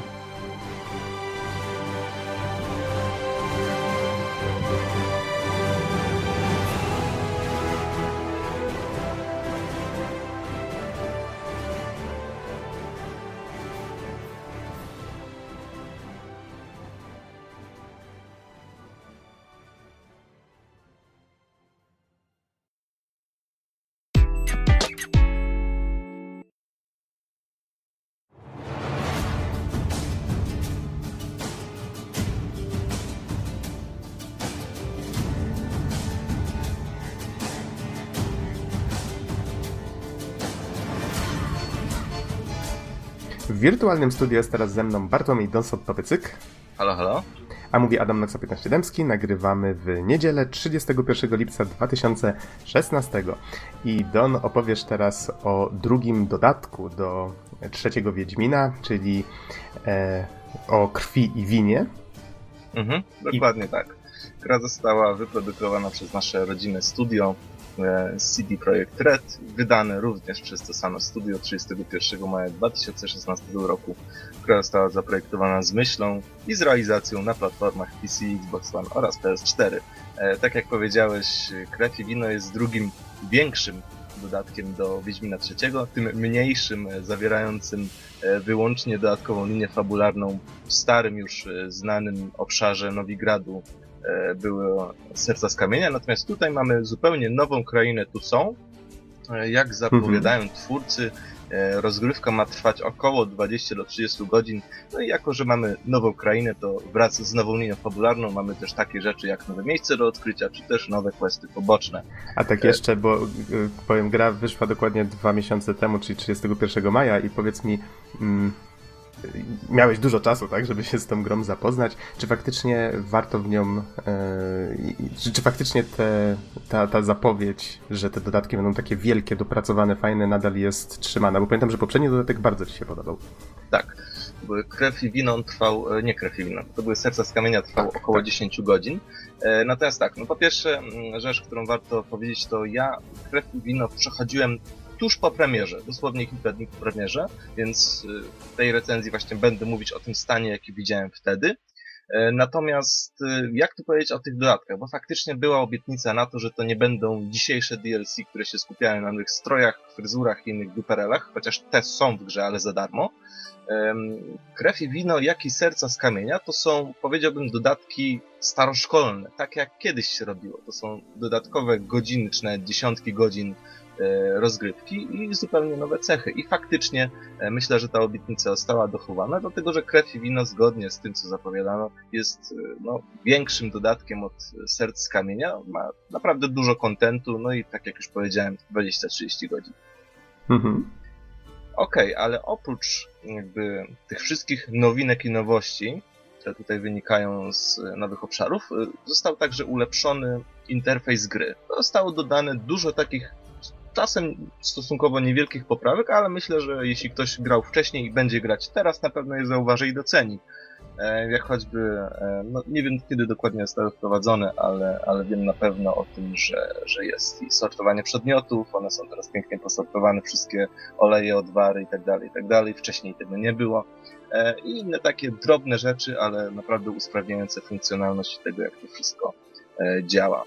Jeśli chodzi o setting oraz fabułę, no to warto powiedzieć, że Anna Henrietta, właśnie księżna tego księstwa są, jak jest to księstwo, no to musi być księżna, nie ma innego wyjścia, czy też władczyni, ona wzywa Geralta do swych włości w takim pięknym, romantycznym, e, rycerskim liście, e, gdyż po tu są grasuje bestia. No, nikt nie wie, kim jest bestia, e, nikt nie wie, czym właściwie jest, jest nieuchwytna, wręcz niewidzialna, jak mówią ludzie, i morduje rycerzy księżnej na krótko przed wielkim turniejem rycerskim, przez co właściwie wszyscy znamienici goście są, są zagrożeni. Co jest jeszcze dosyć zagadkowe, bestia zabija w sposób, który jest, można powiedzieć, okraszony symboliką. Tu są bardzo ważna jest tradycja i jest też bardzo dobrze znanych każdemu pięć rycerskich cnót. E, natomiast jakby te ciała, sposób ich ułożenia i to, w jakich okolicznościach zostały zabite, właśnie piętnuje ten brak cnót. Wskazuje na to, że, że ci rycerze tych cnót pięciu nie mieli. No i właściwie cała gra jak łatwo się domyślić, zaczyna się jak pospolity kryminał, czyli detektyw, w tym wypadku Wiedźmin, bada ciała ofiar, okoliczności zabójstwa, a po czym typuje kolejne ofiary i próbuje e, złapać nieuchwytną bestię. E, co oczywiście, jak to bywa i w grach o Wiedźminie, i w książkach zwłaszcza, e, ta drobna, niedrobna sprawa rozwija się w jeszcze szerszą, poważniejszą intrygę o zakropieniu takim politycznym. Na co jednak zwrócić uwagę, to sama kraina są. Ona już w książkach była przedstawiana jako baśniowe miejsce. Więc takie hasła jak błędni rycerze, honor, śluby rycerskie, przesadzona etykieta, czy też słynne przysięgam na czaple, to są prawidłowe skojarzenia. To tak odnośnie, a propos tego przysięgam na czaple, otóż właśnie podczas jednej uczt, która się odbywała w Tucson, właśnie na łamach oryginału literackiego, podano takie wyjątkowe danie i tym daniem była czapla ugotowana w całości, czy upieczona. I zachwyceni rycerze zaczęli po prostu składać różnego rodzaju śluby właśnie na czaple. I, stąd się wzięło to powiedzenie, że ktoś przysięga na czaple, czyli na przykład, że zabije potwora, albo nigdy nie ujawni swojej twarzy, dopóki nie zrobi czegoś innego, i tak dalej, i tak dalej to, to określenie -hmm. się powtarza i w grach, i w książkach. Jest no, dosyć zabawne. Tak jeszcze wracając na moment do fabuły, bo muszę przyznać, to brzmi całkiem intrygująco. Przynajmniej ja lubię kryminały, tak, więc Geralt w formie takiego detektywa brzmi dla mnie całkiem intrygująco. I, i powiedz mi, czy faktycznie ta fabuła trzyma poziom e, podstawki? Czy wiesz co? Na pewno jest to fabuła, która jest pisana z warsztatem literackim CD Projektu, czyli z dobrym warsztatem literackim, co mówiłem już wielokrotnie i myślę, że warto to powtarzać, bo jakby no, w czasach dzisiejszych gier niestety jest to często rzecz, która kuleje. Natomiast wydaje mi się, że jakby ten główny wątek e, fabularny, on chce być duży i skomplikowany, ale z powodu ograniczeń, jakim właśnie jest fakt, że rozrywka wcale nie jest taka długo, nie rozwija się w takim stopniu, w jakim mógłby, e, żeby być, żeby być w pełni wiarygodnym. E, wydaje mi się, że jest niewiele postaci, niektóre wątki są ucięte i tutaj jakby chyba najbardziej takim, najbardziej kulącym w oczy wątkiem jest relacja Wiedźmina z wysokim oficerem księżnej, który początkowo Wiedźmina nie lubi, a potem możemy go do siebie przekonać. To właściwie tak trochę strasznie sztucznie brzmi. E, poza tym na przykład wątek romansu, e, no jest to w pewnym sensie dosyć, dosyć jakby ważna część elementu świata Wiedźmina. E, o ile w Sercach z Kamienia na przykład w dodatku krótszym był fantastycznie zrobiony, o tutaj wydaje mi się, że jakiś taki trochę ubogi jest. Więc y, nawet y, słyszałem opinie osób, które doszukały się w cutscenkach błędów, to znaczy, że dana postać nie powinna być tam, gdzie była, albo inaczej, no jakby pojawia się dodatkowa postać i jakby no, nikt nie zwraca uwagi, dlaczego postać ta tutaj jest, skoro nikt nie wiedział, że tutaj będzie, a jest dosyć istotna. Więc ym, wydaje mi się, że jeśli chodzi o jakby poprowadzenie tej fabuły, to jednak Serca z Kamienia pozostają moją jakby najlepszą fabułą w growych Wiedźminach w ogóle. E, natomiast e, Krew i Wino jest ok, natomiast jest fajnie napisana, e, ma, ma ten warsztat literacki, dialogi i postacie, które zachowują się jak żywi ludzie, tak, to wszystko jest, ale wydaje mi się, że nie jest to szczyt. Mhm, okej. Okay. W każdym razie wracając właśnie do, do, do samej krainy, tu są, starczy powiedzieć, że pierwsze momenty, e, jakie Geralt spędza w tej krainie, to jest właściwie widok rycerza szarżującego na wiatrak, e, który po chwili rozwala gigant i jest walka z gigantem. E, pikanterii całej sprawy dodaje fakt, że jak się dowiadujemy później, jest to wiatrak Dulcynei, e, niejakiej, e, niejakiej księżniczki, która postanowiła w spokoju od rycerzy żyć z młynarzem. I była Ach, klasyka. W każdym razie sama kraina dosłownie wygląda jak jedna wielka pocztówka z Hiszpanii, którą albo z Włoch, albo jakaś inne ogłoszenie biura podróży, które wszyscy widzieliśmy. Turkusowe niebo, lazurowa woda, wręcz do przesady tak samo cudowne zamki, miasta, e, do tego egzotyczna architektura, która mi osobiście kojarzy się z takimi na przykład kolorowymi hiszpańskimi kamienicami, jakimiś takimi egzotycznymi zabudowaniami. Oczywiście mnóstwo jest też winnic i wszystko kręci się wokół wina, a zdaje się, że każdy w tej krainie jest tu szlachcicem, winiarzem albo rycerzem. Chociaż oczywiście że też są zwyczajne wioski. Więc mówiąc krótko, jest to takie trochę połączenie Francji zwłaszcza jeśli chodzi o tradycje rycerskie e, i Włoch i Hiszpanii, jeśli chodzi o, o klimat, e, no i oczywiście wino też z Francji. I jakby całość jest tak barwnie i wręcz jaskrawo zrobiona, że Nowigrad, który pamiętamy, że był dosyć szary, no to właśnie Nowigrad przy tej krainie to jest taka dosłownie szara rzeczywistość ale, mm, ale nie warto, nie warto e, tu są skreślać od razu, dlatego że ta kraina również ma swoje mroczne tajemnice, przeklęte miejsca, puszczone ruiny itd., tak itd. Tak Natomiast co też e, bardzo mi się spodobało, że twórcy dosyć sprawnie operują kolorystyką, jaka w grze występuje. To znaczy, kiedy przechodzimy do do jakiegoś przeklętego miejsca, to nagle piękne niebo się jakby wyszarza, pojawia się mgła, no i mamy zupełnie inny nastrój, zupełnie niepasujący jakby do, do tej fantastycznej krainy, a poza tym, kiedy zapadnie noc i przyjdzie nam jakąś klątwę, e, klątwę zdejmować, to faktycznie wtedy robi się tak samo mrocznie jak w okolicach Nowigradu nocą. Mhm. E, to, to dobrze, że o tym wspomniałeś, bo przyznam szczerze, że patrząc na te wszystkie screeny, które zostały opublikowane przed premierą, to miało się wrażenie, że Wiedźmin został wrzucony do takiej zupełnie innej bajki. Tak jak wspomniałeś, no, właśnie inne kolory. jest taką bajką. Aha. I tam widziałem jeszcze na jednym screenie chyba były jakieś takie magiczne, wielkie grzyby czy coś. Dosłownie Alicja w Krainie Czarów, tak? O, żebyś wiedział jak dobrze, dobrze trafiłeś. To nie jest żaden spoiler, ale myślę, że każdy, kto zagra będzie naprawdę bardzo, bardzo przyjemnie zaskoczony. Hmm, okej. Okay. W każdym razie w grze też mamy taki trochę, no jak to przypadło właśnie, jak to wypada w, w twórczości CD Projektu, ale i samego Sapkowskiego. Mamy swoisty rozdźwięk między praktyką a piękną tradycją, czyli jacy są rycerze, kiedy nikt nie patrzy. No okazuje się, że wcale nie tacy, jak jak, jak wtedy, kiedy mają publiczność. to, to nie pierwszy raz, jak e, twórcy Wiedźmina obnażają takie różne stereotypy mhm, rycerstwa. Dokładnie, dokładnie. E, więc mamy tutaj bardzo sprytny balans i postaci faktycznie zachowują się jak żywi ludzie, no czyli tak tradycja tradycją, fantastycznie, pięknie, to jest bardzo ważna rzecz, ale jak siedzimy sobie w knajpie czy w tawernie wieczorem, no to nikt przecież do nikogo nie musi się tak zwracać, jak, jak faktycznie trzeba.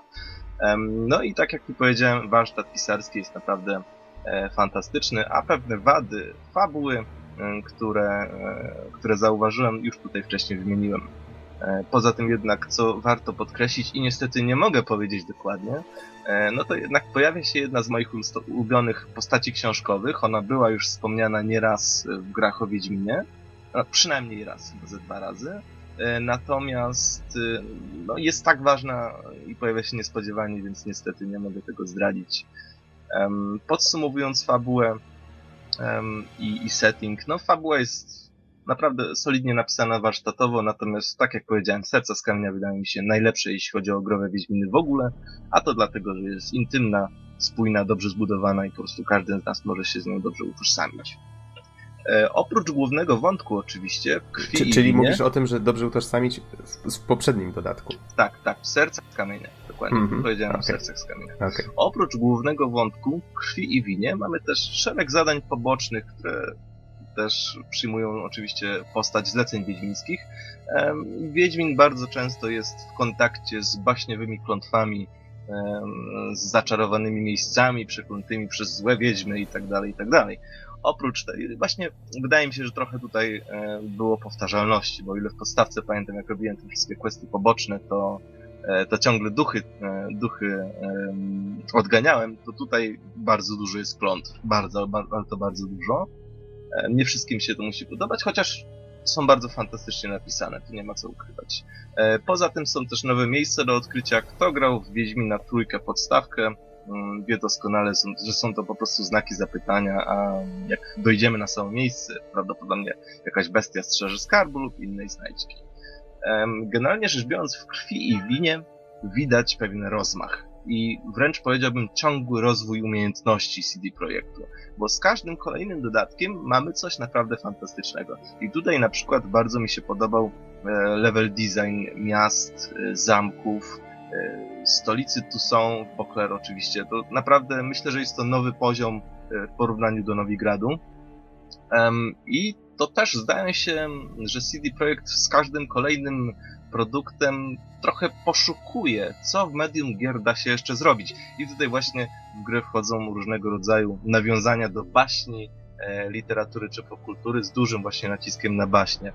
I tutaj mam taki mały cytat mm, z gry um, zły Wiedźmin chuchał i dmuchał aż i tu utnę, bo, bo rzecz, rzeczy nie warto kontynuować, lecz odkryć po prostu samodzielnie. Um, poza tym zauważyłem też rzecz, która dosyć mocno mnie martwiła już, już w poprzednich e, odsłonach Wiedźmina trzeciego, jakby nie powiedzieć. Natomiast tutaj, e, tutaj wydaje mi się, że moje obawy się potwierdziły. No ja ten punkt zatytułowałem Wygłupy. E, no i jak wiadomo, że w grach, w Wiedźminach, e, jak i nawet u samego Andrzeja Sapkowskiego są różnego rodzaju żarty, nawiązania i to nie jest nic złego. Ja bardzo je lubię, zresztą na tym się między innymi wybił Sapkowski. E, natomiast e, w Krwi i Winie zdaje się, że one nie są gdzieś na uboczu, w tle, nie są zarezerwowane dla tych, którzy trochę uważniej słuchali albo po prostu się zorientowali, że coś jest, tylko bardzo często na pierwszym planie. I bardzo często w zadaniach pobocznych one po prostu, zadanie poboczne to jest jeden żart. I oczywiście one są warsztatowo świetnie wkomponowane, ale tylko dlatego e, nie jest jeszcze gorzej, przynajmniej moim zdaniem.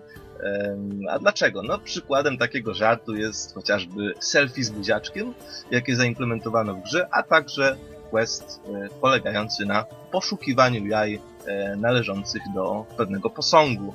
E, jak twierdzi właściciel wystawy, Geralcie, musisz to zrobić i tutaj będzie dokładny cytat, bo na tych jajach wisi cała gospodarka turystyczna Bokler. Mówiąc krótko, mówiąc krótko, mm, no CD Projekt trochę sobie robi jaja, E, niektórym się to może spodobać, innym nie. Mi akurat nie. E, wydaje mi się, że jestem w mniejszości, no ale to jest jakby też kwestia gustu. W każdym razie, no, takie rzeczy są. O gustach się nie dyskutuje. Ja myślę, że trochę jednak przesadzili. Bo, bo Geralt lubi żarty, ale, ale może nie lubi, jak sobie z niego za dużo się żartuje. E, w każdym razie, przechodząc już do rozgrywki. Oprócz standardowych rzeczy, które znamy z Wiedźmina trzeciego, dochodzi także szereg nowych elementów, czyli choćby nowe bestie. I tutaj myślę, że każdy, kto zagra w krew i wino, będzie pamiętał dwie nazwy doskonale. Skolopendromorfy i archespory. To są takie bestie, które jedna to jest wielka stonoga, druga to jest e, roś, mięsożerna roślina. One są bardzo irytujące, dlatego że przemieszczają się z miejsca na miejsce i i po prostu trochę zajmuje, żeby je pokonać. E, z kolei są praktycznie w prawie każdym e, zadanie pobocznym, więc będziemy musieli dużo ich oglądać. Poza tym mamy powrót Barkhestów. No i jako, że gra oferuje też nowe poziomy mm, do postaci i nowy ekwipunek, no to twórcy bardzo sprytnie dodali nowe pancerze do szkół wiedźmińskich, tym razem arcymistrzowskie, które będziemy musieli odkryć ich plany, a następnie skonstruować i dodali szkołę Manticory, czyli kolejny z kolei e, zestaw. E, poza tym w grze występują też inne zestawy. Mm, a możesz przypomnieć, tak a propos potworów, powiedziałeś, że powracają z poprzedniej części Parkhesty. Które to tak, były? To były zielone psy z pierwszej części gry. Okej. Okay. Myślę, że, że to jest takie to, widmowe, taka... widmowe psy. Tak, tak, tak. piekielne psy. Nie Ogary, nie, nie Cerbery, ale Marchestu właśnie. E, dodatkowo w grze pojawia się pewna nieruchomość. I no, nie będę zdradzać więcej, bo być może osoby, które jeszcze nie grały, nie wiedzą o co chodzi, a wydaje mi się, że w samej promocji gry tego określenia jeszcze nie używano, nie, nie mówiono co to jest. E, więc no cóż, mamy pewną nieruchomość i nawet związane z, z tym ulepszanie, ulepszanie czegoś. W każdym razie jest to naprawdę bardzo fajny, świeży pomysł, chociaż y, czy pasuje do Geralta, nie wiadomo, być może na zakończenie e, jego historii tak, natomiast y, tu jest też podobnie kwestia, y, kwestia gustu. E, poza tym, jako że postać można rozwijać dalej, e, pojawiają się pewne zagwozdki genetyczne, dzięki którym możemy po prostu jeszcze kolejne umiejętności Geraltowi dodawać. Natomiast podsumowując trochę rozgrywkę i to wydaje mi się, że ona jest bardzo łatwa. Zwłaszcza po 150 godzinach rozgrywki Wiedźmina trzeciego z dodatkami, wydaje mi się, że, że po prostu poziom trudności jest stosunkowo niski. Do tego stopnia niski, że przestałem rozwijać postać krwi i winie i zacząłem dopiero wtedy, kiedy po prostu byłem do tego zmuszony, kiedy po prostu przeciwnik zabierał mi jednym ciosem połowę zdrowia, a ja jemu tylko jedną, jedną dwudziestą jednym swoim ciosem. Wtedy zacząłem rozwijać. Natomiast kiedy zacząłem rozwijać, znowu stało się po prostu e, zbyt łatwo. E, generalnie rzecz biorąc, e, zaczyna niestety uderzać nieskomplikowany system walki, który oczywiście zawiera w sobie odwary, różnego rodzaju petardy, przygotowywanie się do walki, ale powiedzmy sobie szczerze, co nawet ty, Nox, e, zauważyłeś w trakcie mm, grania Wiedźmina III, E, wydaje się, że bezpośrednio e, walka z potworami ogranicza się do ciosu, uniku, ciosu, uniku, no może ciężki i lekki na, na, na zmianę. Natomiast, natomiast jeśli chodzi o ludzi, to jest perfect block, kontratak, no i w sumie perfect block i kontratak. I już nie pamiętam, szczerze mówiąc, czy tak mówiłem, ale wierzę na słowo. A poza tym ulepszyłem też sobie młyńce, które sprawiły, że mogłem zapomnieć o kontrataku, tylko po prostu trzymać X i Geralt po prostu wszystkich dookoła rozwalał. Więc tak to niestety wygląda, jeśli chodzi o rozgrywkę. Są nowe elementy, ale, mm, ale uderzyła mnie trochę poziom trudności zbyt niski i trochę już zaczął przeszkadzać nieskomplikowany poziom walki. Oczywiście po 150 godzinach rozgrywki, więc można dyskutować, że hej, chyba jednak y, pasuje. E, czyli tyle po takim czasie. Czyli tyle zajęła ci podstawka plus, yy, plus serce, z kamienia, z kamienia mhm. i zdaje się, że jeszcze plus krew i wino. To wszystko. Aha, razem. czyli wszystko łącznie, tak? Zdaje się, że tak. E, w każdym razie, kończąc już sprawę rozgrywki, przechodząc do oprawy graficznej, ta oczywiście, no, jak się możemy spodziewać, jest fantastyczna. Jakość jest naprawdę bardzo dobra więcej szczegółów o tu są już i jak to wszystko wygląda było nakreślone wcześniej, więc o tym już nie będę mówić, natomiast udźwiękowienie. E, w utworach, e, bo mamy cały nowy soundtrack, który zdaje się, że trwa około godziny, e, jest dużo akordeonu i takich charakterystycznych instrumentów, które kojarzą się trochę z Francją. Soundtrack jest zupełnie inny od podstawki i naprawdę buduje fantastyczny nastrój. No starczy powiedzieć, że do tej pory, czyli do krwi i wina, nic nie przebiło tego słynnego utworu Lazare, e, utworu bitywnego. Natomiast myślę, że tutaj w krwi i winie jeden z utworów e, przebił faktycznie Lazara, więc tutaj naprawdę, naprawdę bardzo fajnie się twórcy postarali. E, podsumowując już cały dodatek, jest on bardzo, dzisiaj, bardzo solidny. Chciałoby się powiedzieć, że nie dzisiejszy, niezgodny z modą, jaka obecnie panuje w branży wiele. A, a tak um, jeszcze zapytam właśnie, mm-hmm. wspominałeś, że około 20, tak 30 godzin twórcy zapowiadali? Tak, tak. I faktycznie tyle czasu udało ci się skończyć? Czy wiesz co, trudno jest mi to określić, bo GOG mi liczył um, jako całość wszystko mm-hmm. z Wiedźminem trzecim i to faktycznie mam ponad 100 godzin. Natomiast wydaje mi się, że faktycznie jakoś tak około 20 to będzie, bo ja tam wszystkich tam ukrytych miejsc nie odkrywałem, ale wszystkie questy poboczne i całą linię główną zaliczyłem. Wydaje mi się, że to, co zostało podane jest mniej więcej się zgadza. Okej. Okay. Więc wracając do podsumowania, um, Toussaint jest jedną z najlepszych wiedźminowych krain. Um, warsztat pisarski daje na wysokim poziomie fabuła. Moim zdaniem nie najlepsza, e, ale to kwestia gustu.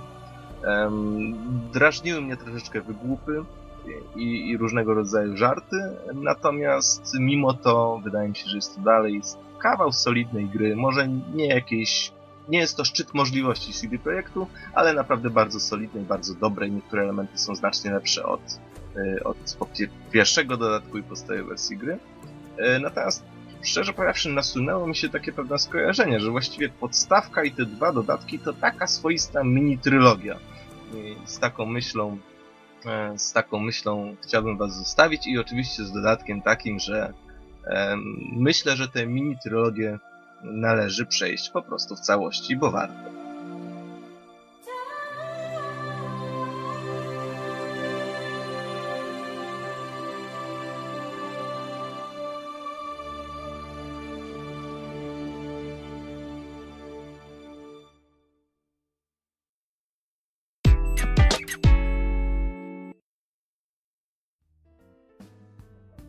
To już wszystko na dzisiaj. Dziękujemy Wam bardzo za uwagę i do usłyszenia w następnym odcinku. Trzymajcie się. Cześć. Do usłyszenia, cześć.